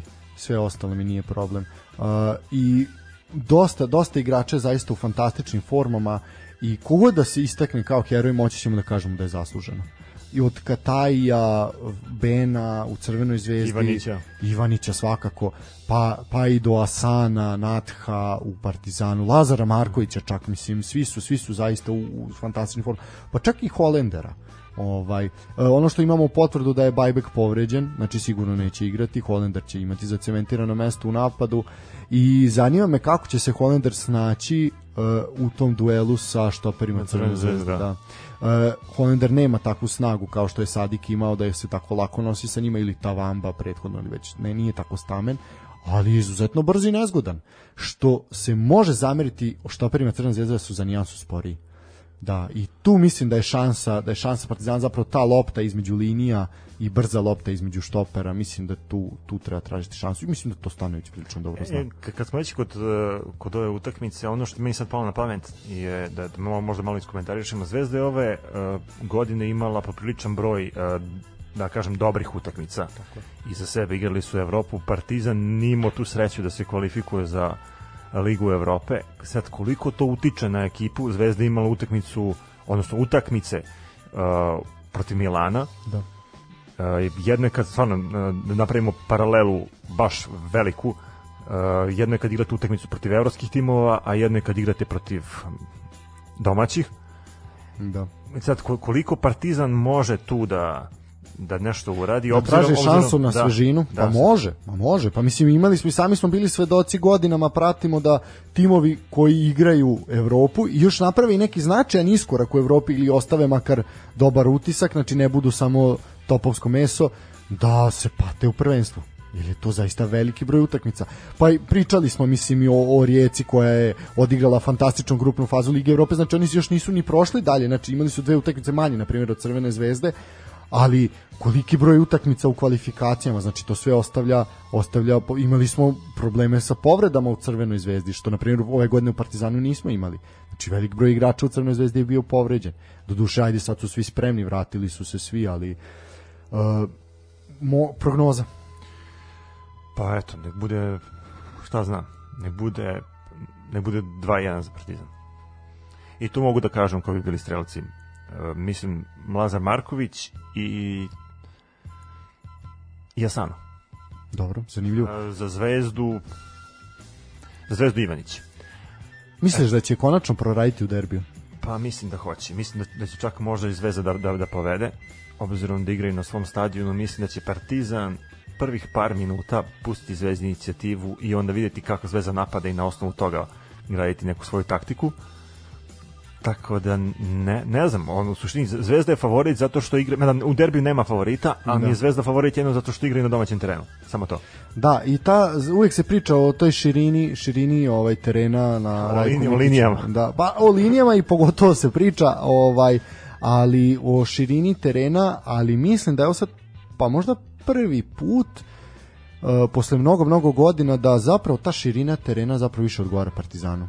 Da zbog odličnih igrača na na krilima i mislim da to biće biće zaista zanimljivo i kažem najzanimljivije će vidjeti zapravo s kojim postavama će izaći. Moja prognoza derbija uh, pa ja ću biti optimističan 2-2. Dobro, ko bi mogao da postigne golove? Za, cr za domaćina, znači za Crvenu zvezdu El Fardu Ben i Pavkov, a za Partizan Asano i Suma. Ok, uh, Tozina ovaj prognoza je, je nerešeno je bila isto, nerešeno. Da. Nije nam ali- rekao s kojim brojem golova, da. Da. ali je to za u prethodnim emisijama ovaj rekao da da Zvezda ima najbolji tim u Tako u je. zemlji. Pa bi eto, sa ovom mojom prognozom volao, da- volao da ovaj, opovrgnem tu njegovu konstataciju. Pa dobro, da, svakako imamo imamo debatu da ovaj da što kaže opklade su pale, videćemo kako će se to kako će se to odvijati. Uh, pa ja mislim da smo rekli sve što se tiče fudbala, možda i previše u nekim momentima. Uh, ajmo na jednu malu kratku pauzu, pa ćemo ići na ove manje popularne sportove. Hajmo, hajmo.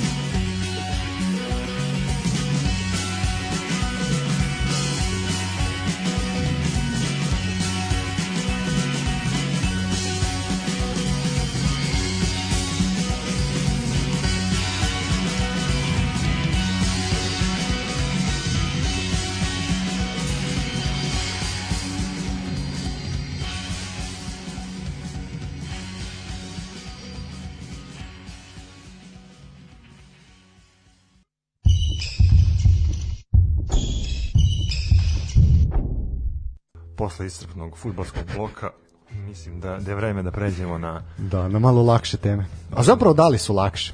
A nisu, ne, nisu ne, vaše. da, neverovatno. Pa ne, ne može, kad komentarišeš domaći sport, ne mogu da budu lake teme. To, Ništa nije lako u ovoj državi, pa ni, pa ni teme sportski. A, evo, mislim, predsjednik Vučić je rekao prvo da njemu nije lako. Znači, ako njemu Ako nije, njemu lako, kako lako, onda, da onda bude? kako nama da bude? Pa naravno, ne možemo mi nama biti bolji. Ova, I ne treba da nam bude bolje ako njemu nije dobro. I otićemo totalno, da, ne, ne, ajde da se vratimo. A ovima koje, kojima je dobro, onda ništa. njima ništa, da, šta se, njima je lepo, pa je lepo. Njima svaka čast. E, ajmo, što se tiče košarke, kratko samo. E, Partizan je vezao pobede u ABA ligi protiv rivala, mada to sad ne znači više, ne služi ničemu, niti je bilo kome Mislim, kad, komentarišemo košarku, stvarno ne znam šta bi mogu da kažem, osim toga da je Zvezda završila svoje učešće u posle Euroligi. 28 utakmica u Euroligi, znači zaista sulud sistem takmičenja koji nema nikakvog smisla. Mislim, Ule pokušava da, da, da vodi trku sa, Da. sa NBA-em i to, to je jedino opravdanje za, za veliki broj utakmica. Mislim da je navijačima Zvezde konačno ovaj, laknulo da, da, da, da gledaju poraze svojih ekipa, odnosno svoje ekipe, Da prestanu da da gledaju. prestanu, da prestanu, definitivno da prestanu, ali eto, to, mislim, to je to što možemo da kažemo o, E, o da, košarci. jedna zanimljiva izjava samo je bila ekipe ekipe iz bara. E, što se tiče košarke, ono što je meni svakako najbitnija izjava, e, pričali smo o tome da u, u, u ABA ligi je rasulo. Znači da nemate dve ekipe koje su odigrale isti broj utakmica. E, vidiš, sad, sad mi je palo na pamet kad si, kad si spomenuo ABA ligu.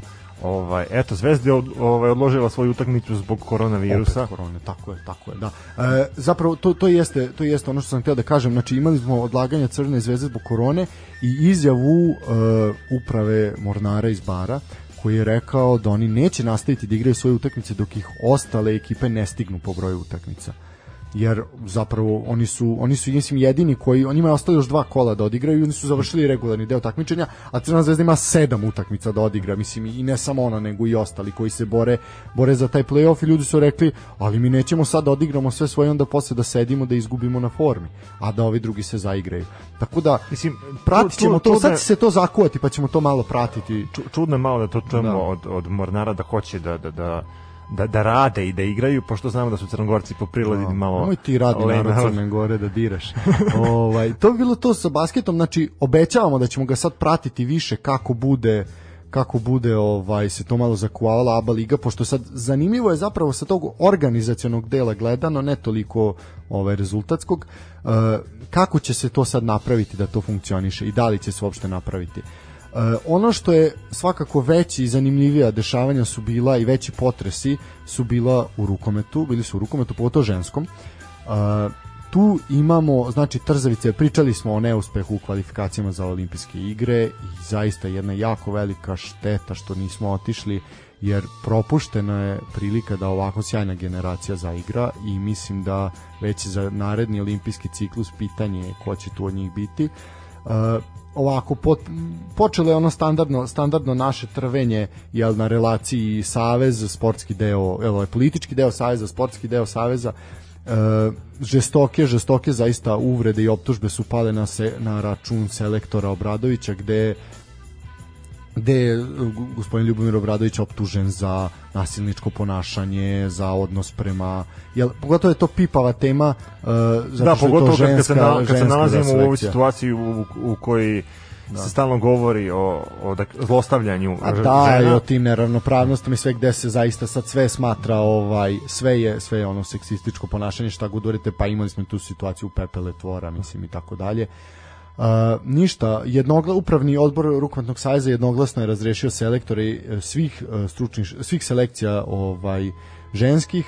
Uh, znači kompletno kompletno ovaj svi su razrešeni dužnosti i sad se tu onako licitiralo sa imenima i po meni zaista iznenađenje ja nisam očekivao nisam očekivao ovakav rasplet Mislim da niko nije očekivao da se nalažemo. Pa zato što je gospodin uh, Uroš Bregar uh, bio t- trener uh, slovenačkog kluba uh, Krim, on je zapravo napustio nešto, nešto se tu desilo, došlo je, koliko sam shvatio, do razlaza saradnje nešto naglo i jednostavno čovjek je dobro rešenje, uči, slobodan u tom momentu i Savez ga je povukao. Ono što je dobro je on dobro poznaje reprezent- reprezentativke Srbije, e, pošto su u Krimu i Lekić, Andreja Lekić, Dragan Cvić i Da, mislim, Krpež. pet- i- pet igrača se igra A u da, mislim, zaista, zaista onako široko široko, a tu je i Jovana Risović, mislim i Sanja Radosavljević, tako da čovek poznaje, poznaje naše igračice i vidjet ćemo da li je sada ovo trener po meri Saveza, pošto očigledno uh,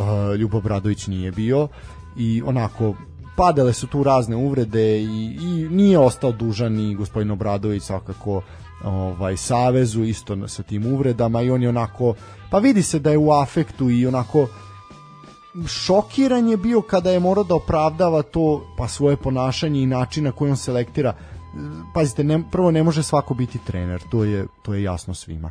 Ne može svako biti ni selektor a ne može svako biti ni trener ženske ekipe. To je još posebno teže teže i to je uh, to je jako, jako, to je totalno drugačiji sport. To je jako teško, jako teško izvesti i zapravo uh, kombinovati, uspeti da, da, da, da žene funkcionišu skladno i složno, to je zaista treba, treba biti majstor. Ako tražimo neku dobru uh, stranu svega ovog sukoba, meni je to što je novi trener uh, dosta mlađi od uh, Ljubomira Da, da, Obradovića svakako, svakako. i verovatno će forsirati taj modern pristup rukometu, što Da. raduje uh, sve nas koji pratimo rukomet i koji ga volimo.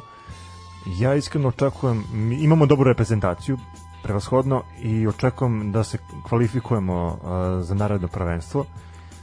Mislim da, da nam je potrebno uh, samopouzdanje uh, i gledajući kroz šta je prošla ova reprezentacija i taj neuspeh u kvalifikacijama za olimpijadu još uvek boli, ali moramo da se okrenemo i da krenemo taj novi ciklus. Tako je, već za, za dve nedelje nas očekuje baraž za plasman na prvenstvo sveta protiv Slovačke. Znači to će biti ujedno i trenerski debi Bregara. Uh, 17. aprila se igra u Slovačkoj, četiri dana kasnije revanš u Beogradu i mora se otići na prvenstvo sveta. Tu mi ne smemo da dozvolimo sebi da, Nas da nema. propustimo. Tako je. Uh, ono što svakako, da li može biti da je konačno našem rukometu pod, da su potrebni stranci da bi bio spas. Imamo Tonija Đeronu koji za sad radi fantastičan posao u muškoj reprezentaciji. Da li, mislim sad, uslovno rečeno koliko je Uroš Bregar stranac? To je pitanje, ali Dobro, ako gledamo ali nije iz našeg jeste, saveza, da. iz- nije iz našeg saveza, u tom smislu da. Uh, da li je znači konačno došlo, uvek je bilo to da su naši ljudi mislim i ne samo iz rukometa, ali ajde pričamo sad rukomet, košarka, pa i fudbal čak ranije. Znači išli su negde da tamo spašavaju stvari, da prenesu naš sistem rada negde drugde da bi se tamo ostvario neki rezultat. Došli smo sada do toga da je nama potreban neko sa strane da nam pokaže kako to se to radi. Ono, pogotovo u rukometu gde smo pa jedna Francuska je napravila dominaciju na osnovim, na temeljima jugoslovenske škole rukometa.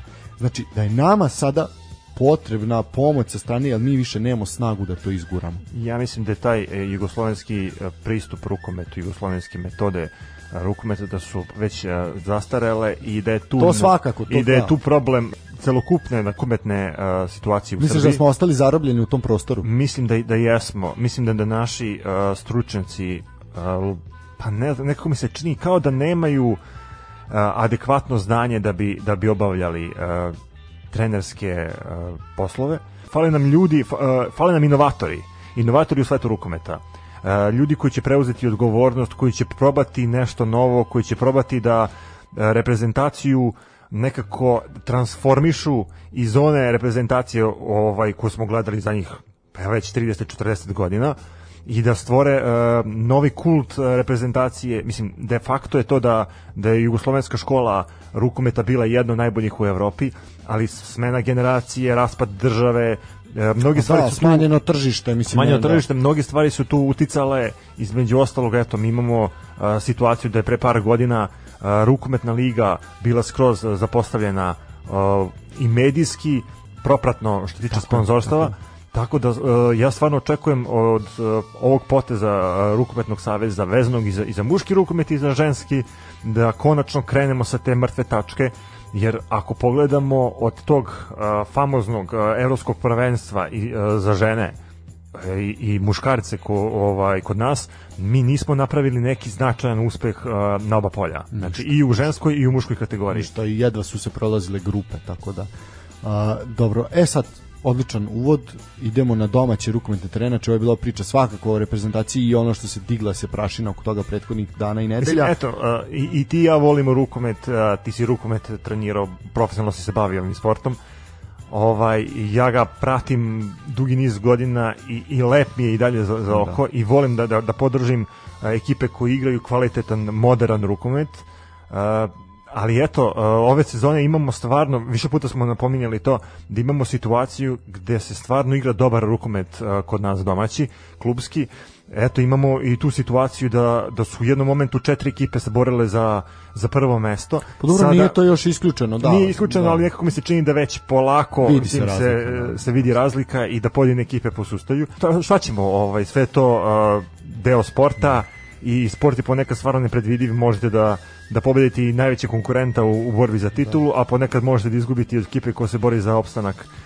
Sve u svemu... U tome je lepota i zato ga milijarde ljudi širom sveta prate. Mislim, evo ti možeš da, da, da najaviš uh, kolo koje Da. je bilo iza nas, Ovako, pa da iskomentarišemo to. e, ono, pošto smo, jel, prethodni put se nismo bavili, bavili smo se isključivo futbolskom reprezentacijom, to je svakako bila top tema, e, sad ćemo nadoknaditi to, znači imali smo dva kola umeđu vremenu odigrana, e, zapravo nije kompletno jer se e, danas igra jedna utakmica, ali ovako, znači, znači šesto kolo, odigrano 27. trećeg, znači Dubočica je dobila Dinamo sa 30-24, e, Vojvodina je dobila Rudar sa 36-25 za zaista jedna dominacija Vojvodine i mislim da Vojvodina hrli ka novoj tituli šampiona već sada.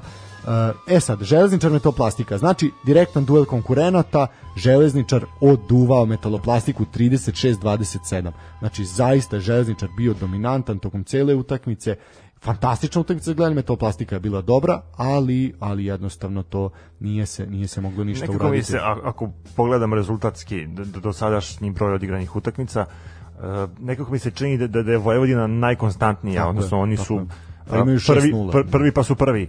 Ovaj, ove ove ostale ekipe, među njima Železničar, Partizan i Metaloplastika, nekako su na, na, na svom nivou, odnosno oni se da se tako izrazim, kolju međusobno. Sebe, da.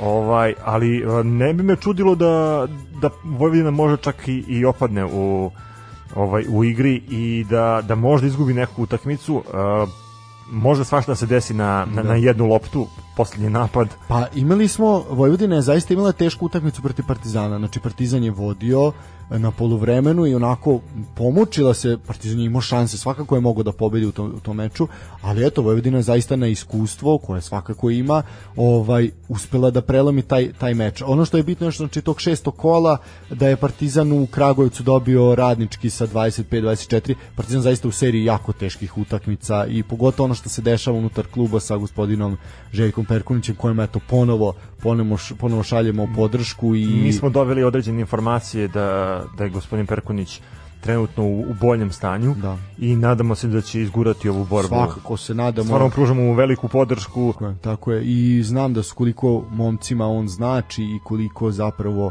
u ovim momentima igraju za njega i mi zaista takvi ljudi kao što je gospodin Željko Perković su potrebni potrebni našem sportu i nadamo se nadamo se da, da će on ostati sa nama i da će se vratiti tamo gde, gde najviše voli a to su, to su svakako prostorije prostorije kluba Uh, idemo dalje, sedmo kolo, uh, Partizan je otvorio to kolo protiv Dubočice, 10 razlike je dobio, zaista lagano, ubedljiva utakmica, Dubočica je nezgodan rival, umela je da, da pomuti račune Partizan, čak u regularnom delu su naneli jedan poraz Partizanu, međutim, ovaj put je Partizan zaista bio dominantan i dobio tu utakmicu lako. Uh, Rudar, Rudar Radnički je u Kostolcu bilo 32-29, zaista jedna fantastična utakmica za neutralne posmatrače, kvalitetna s velikim brojem golova, ali i čvrstim odbranama i onda recimo derbi, derbi ovog kola je svakako odigran u Šapcu gde je Vojvodina bila bolja od metaloplastike sa 26-20 i Vojvodina trenutno uh, ima uh, skor šest pobeda, znači šest utakmica koja je odigrano sedmo kolo, ali Vojvodina jel nije nije kompletno Za tako sad da, pokazuju stvarno dom- a dominaciju u srpskom. Apsolutno, znači jedini su imaju gol razliku uh, plus 53. Znači to je to je zaista zaista fantastično. A Recimo Metaloplastika je trenutno na drugom mestu uh, sa 10 bodova, znači Vojvodina ima 12, Železničar sa 7, Partizan sa 7. Kad se spomenuo već uh, gole razliku Vojvodine, uh, molim te budi ljubazan pa podeli gol razliku i ostalih Da, e, da, ekipa. naravno. E, Metaloplastika znači ima gol razliku plus 13. Znači 40 golova Malo više, razlike, da. da. Ovaj plus 13 ima i Železničar, plus 10 ima Partizan. A, s tim da znači ovako Metaloplastika ima pet pobjeda i jedan, jedan poraz, upravo je od Vojvodine. Železničar ima tri pobjede, jedno nerešeno i dva poraza, Partizan tri pobjede, jedno nerešeno i dva poraza. A, znači oni imaju po sedam bodova, rekli smo Metaplastika 10. Ali ta efikasnost Vojvodine i zapravo Vojvodina ima najbolju odbranu u ligi. Znači oni su sve svoje protivnike spustili na 20 golova. Dok vidimo šta se dešava da ljudi primaju po 35 golova. To je zaista, zaista fascinantno. E, ostalo je još da se odigra utakmica, utakmica se igra danas između Dinama u Pančevu i Železničara i očekujem tu laganu pobedu Železničara. Železničar će doći znači na 9 bodova i bit će prva, prva pratilja, da tako kažem, metaloplastici u poteri za Vojvodinom. E, zaista zanimljivo i opet naravno kao i prošlog puta pohvaljujemo i RTS i RTV za prenose to je dobra stvar, treba, treba da se gleda, ima šta da se vidi konačno i mislim da su to i ljudi iz sportskih redakcija javnih servisa zapravo shvatili. To je bilo to što se tiče rukometa, ići ćemo kratko na, na odbojku, idemo na, na još jedan jel, parket. E, pričali smo ove sezone zapravo što se tiče odbojke, pričali smo samo o Tentu, jel, ženskom klubu, Da. onom uspehu koji su imali. E, I spomenjali smo rezultate u kupu. Tako je. E, ono što znači počela je borba za titulu i ono što se pa mogu reći očekivalo da će to biti Vojvodina i Partizan. E, onako Vojvodina je lagano došla do tog finala plej-ofa, Partizan se zaista mučio. Znači e, samo podatak da je u po, poslednjem meču do igravanja znači da je u petom setu koji se inače igra do 15 bilo 27-25 za Partizan. Znači neverovatno i i ta ta scena ima znači nakon što je ono postignut posljednji poen gde su igrači popadali znači od umora. Nisu više mogli da stoje na nogama i zaista, zaista ovaj, svaka čast momcima, svaka čast uh, treneru Bojanu, ja, Bojanu Janjiću, naše, naše legendi ovaj, odbojke. On je u stvari trener igrač, je li tako? E, da, da, ali ove sezone zaista zaista minimalno je na terenu, više više na klupi, ovaj za razliku od prethodne i zaista mu svaka svaka čast. E, što se tiče utakmice u Novom Sadu, ba lagano 3:0, mislim lagano. Vojvodina je bila dominantnija, Partizan je bio blizu, ali ipak velika velika ovaj razlika i jasno je zašto je zašto je Vojvodina favorit, četvorostruki uzastopni šampion države, i svakako željni novog trofeja i plasman u ligu šampiona naredne sezone. Podsjećam, Partizan je posljednji put bio prvak države 2011. godine. To je ona čuvena godina kada je u Slovensko sportsko društvo Partizan bilo šampion u svim sportovima. E, Ja se sećam te utakmice, e, Partizan je uzeo titulu baš u Novom Sadu. Tako je, tako je, da.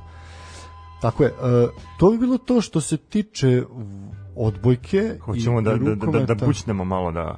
A mogli smo da da, Da, da, imali da smo zadržimo dah.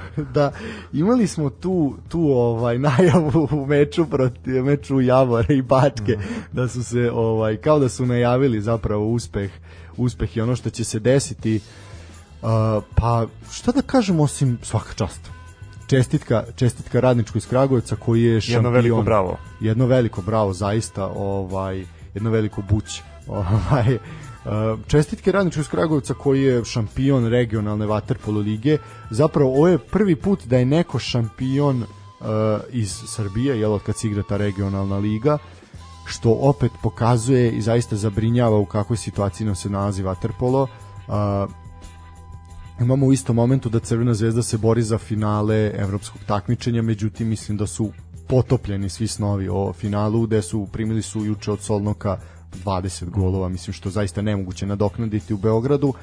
No, ajmo da pričamo o radničkom. Uh, zaista... Mi, mislim da se oni ovom uspehu nisu nadali. nisu, nisu ga, pa da, nisu, nisu očekivali ovo, ali na, poče- zaista... na početku sezone definitivno, obzirom da, da su imali veoma jaku konkurenciju, Da. I mislim ekipe koje su oni savladali na putu do na putu do, do samog trofeja, znači pao je Jug, pala je Zagrebačka mladost, znači to su zaista ozbiljni, ozbiljni ekipi i sa, ozbiljne ekipe sa ozbiljnim ulaganjima. Uh, ono što je, na primjer, evo što se tiče budžeta, znači ovako 500.000 je je budžet godišnji godišnji radničkog što je zaista ja onako mislim da, da to, to mi je neko iz, uh, iz Kragujevca već ovaj, više puta pomenuo da je budžet uh, mladosti i juga negde oko 3,5 do 5 miliona evra.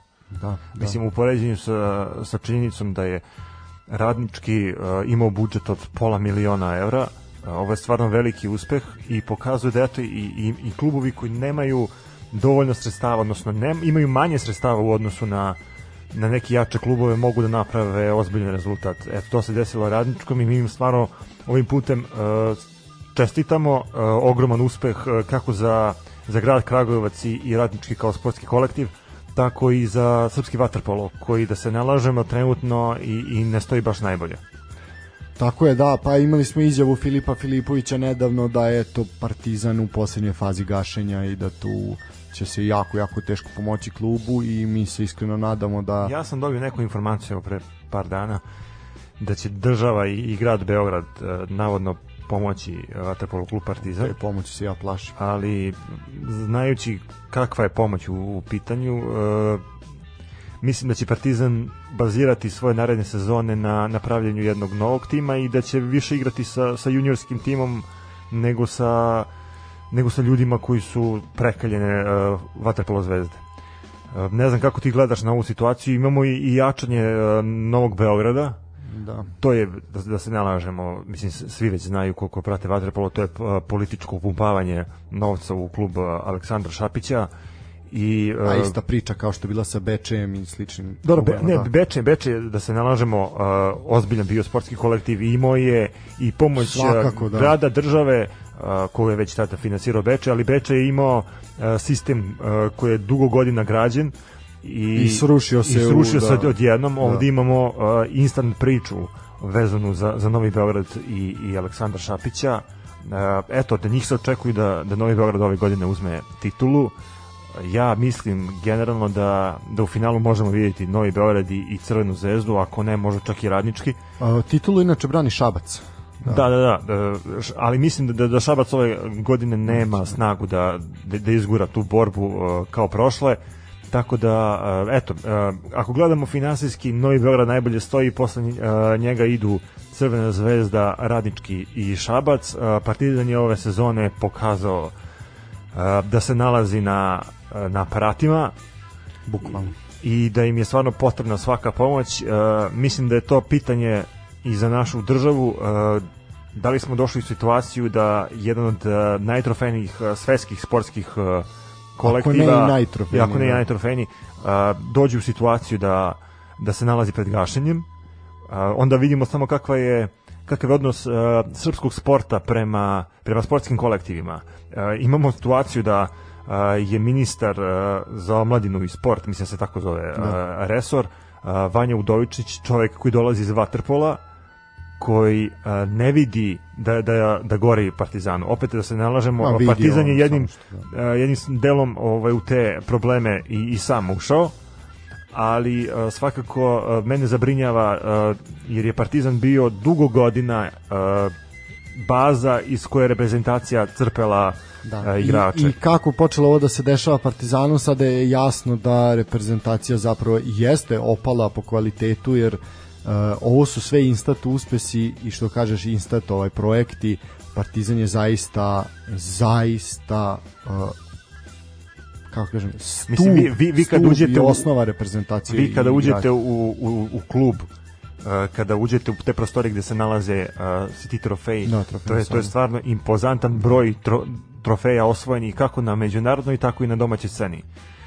Stvarno, uh, ja ne znam da, da, da li vredi da, da, da apelujemo na ministarstvo, grad, uh, državu, ne znam koliko već. Uh, Partizan će, kažem, kao što sam dobio informaciju, dobiti određene novce da, da pregura ovu sezonu i da od naredne verovatno planira da da svoj juniorski uh, sastav prekomanduje u seniorsku kategoriju. to, to je jedino što im ostaje. A, ništa, ovako što se tiče radničkog, ajde skrenuli smo s teme, znači ovo je bilo 13. izdanje ovog takmičenja regionalne lige i uh, oni su, znači utakmica završenog turnira u Zagrebu, pobedili su ekipu Juga iz Dubrovnika rezultatom 14-12. Uh, bio je to ujedno i prvi put da se jedan srpski tim našao u finalnoj utakmici. Naspram sebe je imao najtrofejniji tim koji je propustio samo jedno finale od 13 od 13 odigranih i osvojio ukupno četiri, četiri titule. Oni su uh, u polfinalu su Kragujevčani pobedili Zagrebačku mladost 14-13. Uh, tako da se može zaista reći da su zasluženo podigli pehar, znači zaista su pobedili naj, najveće najveća imena i to sva, zaista zaista im uh, svaka, svaka čast. Uh, ništa, šta da kažemo, svaka čast momcima iz radničkog uh, Kapa zaista, dole. Ka, kapica dole, da, Da, kapica. kapica dole, a ovima ostalima neke Bogu pomoći, jer mislim da im pa čak i ako smo mi ateisti, ali niko drugi im ne može pomoći u ovom momentu. Izgleda Uh, zaista onako to, pogotovo sad i ova situacija sa krizom ekonomskom i sve koja, mislim ovde je uvek ekonomska kriza, ali uvek je to izgovor, ali vidjet ćemo i mislim da se ne, ne sluti dobro ostalim klubovima. Mislim da, se, da se to definitivno odraziti na na uspehe reprezentacije u narodnom periodu. Ali već ajde sad da, se da, da, ne već budem, sad, da ne da. budemo negativni i pesimistični. Da, pokušat ćemo, da, uvek pokušamo da moralnom porukom nekom završimo ovaj put, pa ništa, čestitke, čestitke svakako momcima iz Radičkog, zaista jedan fantastičan uspeh koji treba, treba ovaj propratiti. Uh, ono što su naše želje i pozdravi za ovaj put i za kraj ove emisije ovog druženja, želja nam je da se Tozanom što pre vrati u, u ekipu i želja nam je da uživamo bre u derbiju, to je ono što se čeka, počinje loženje već sutra na odličan futbal, uh, na količine alkohola, piva koje će se popiti. I ja bih samo apelovao na, na kolekcionare uh, futbalskih uh, albuma. Panini je izbacio limited edition uh, svoje verzije albuma za Evropsko prvenstvo 2021. Ovaj, da na ili albumu piše već kako, da, ali stoji 2020 na, na albumu, da, ali ali ove da, pa eto da, svakako radujemo se razmenjivanju sličica u Katoličkoj porti ovaj, u Novom Sadu, tako ili da ispred uh, hotela Moskve da, u u Beogradu. Beogradu, da, tako da eto, mislim te, te male, male dečije radosti ovaj, koje to, nas to su sitnice koji ispunjavaju život Pa i u ovakvim vremenima, pa i u da. ovakvim vremenima upravo da u ovakvim vremenima svi se sećamo svojih prvih albuma populjanih svojih idola fudbalskih da, i nedostataka, oni koji će nam večito faliti. Vidiš, O, na primjer, to, to bi mogli da, da, da malo bolje razradimo tu temu vezano za, za, za možemo, Panini svakako i za možemo. skupljanje sličice, jer stvarno ima, ima ljudi pasioniranih kolekcionara koji to rade i skupljaju godinama. Naravno, a, ostaje žal jer nema u albumu naših reprezentativaca, ali, ali zato se na- nadamo da će nas biti u Kataru u albumu. Eto, nadamo se da će nas bar biti na, na, na globalnom nivou, ako ne na, na kontinentalnom. Tako je. Ništa, drugari, to bi bilo to. Hvala nam što nas slušate, što šaljete pozitivne komentare, znače nam. E, nastavite da nas slušate. Ova emisija onako bila onako jedna pa podugačka. Sad ćemo se ostaviti ne, da, da ovako preslušavate to danima. Čućemo se posle večitog derbija. Nadamo se u punom sastavu i sa nekim novitetima. Uh, čuvajte se, budite zdravi, uživajte uz domaći sport, ima uz šta da se uživa, I uživajte u večitom ne, derbiju. ne razbijete televizor i Nemojte, da, nije televizor kriv, isključite komentatora ako vas nervira, uživajte u potezima naših futbalera, mislim da ćete, zaista mislim da ćete uživati. To bi bilo to, do sledećeg slušanja, sportski sportski pozdrav. pozdrav prijatno.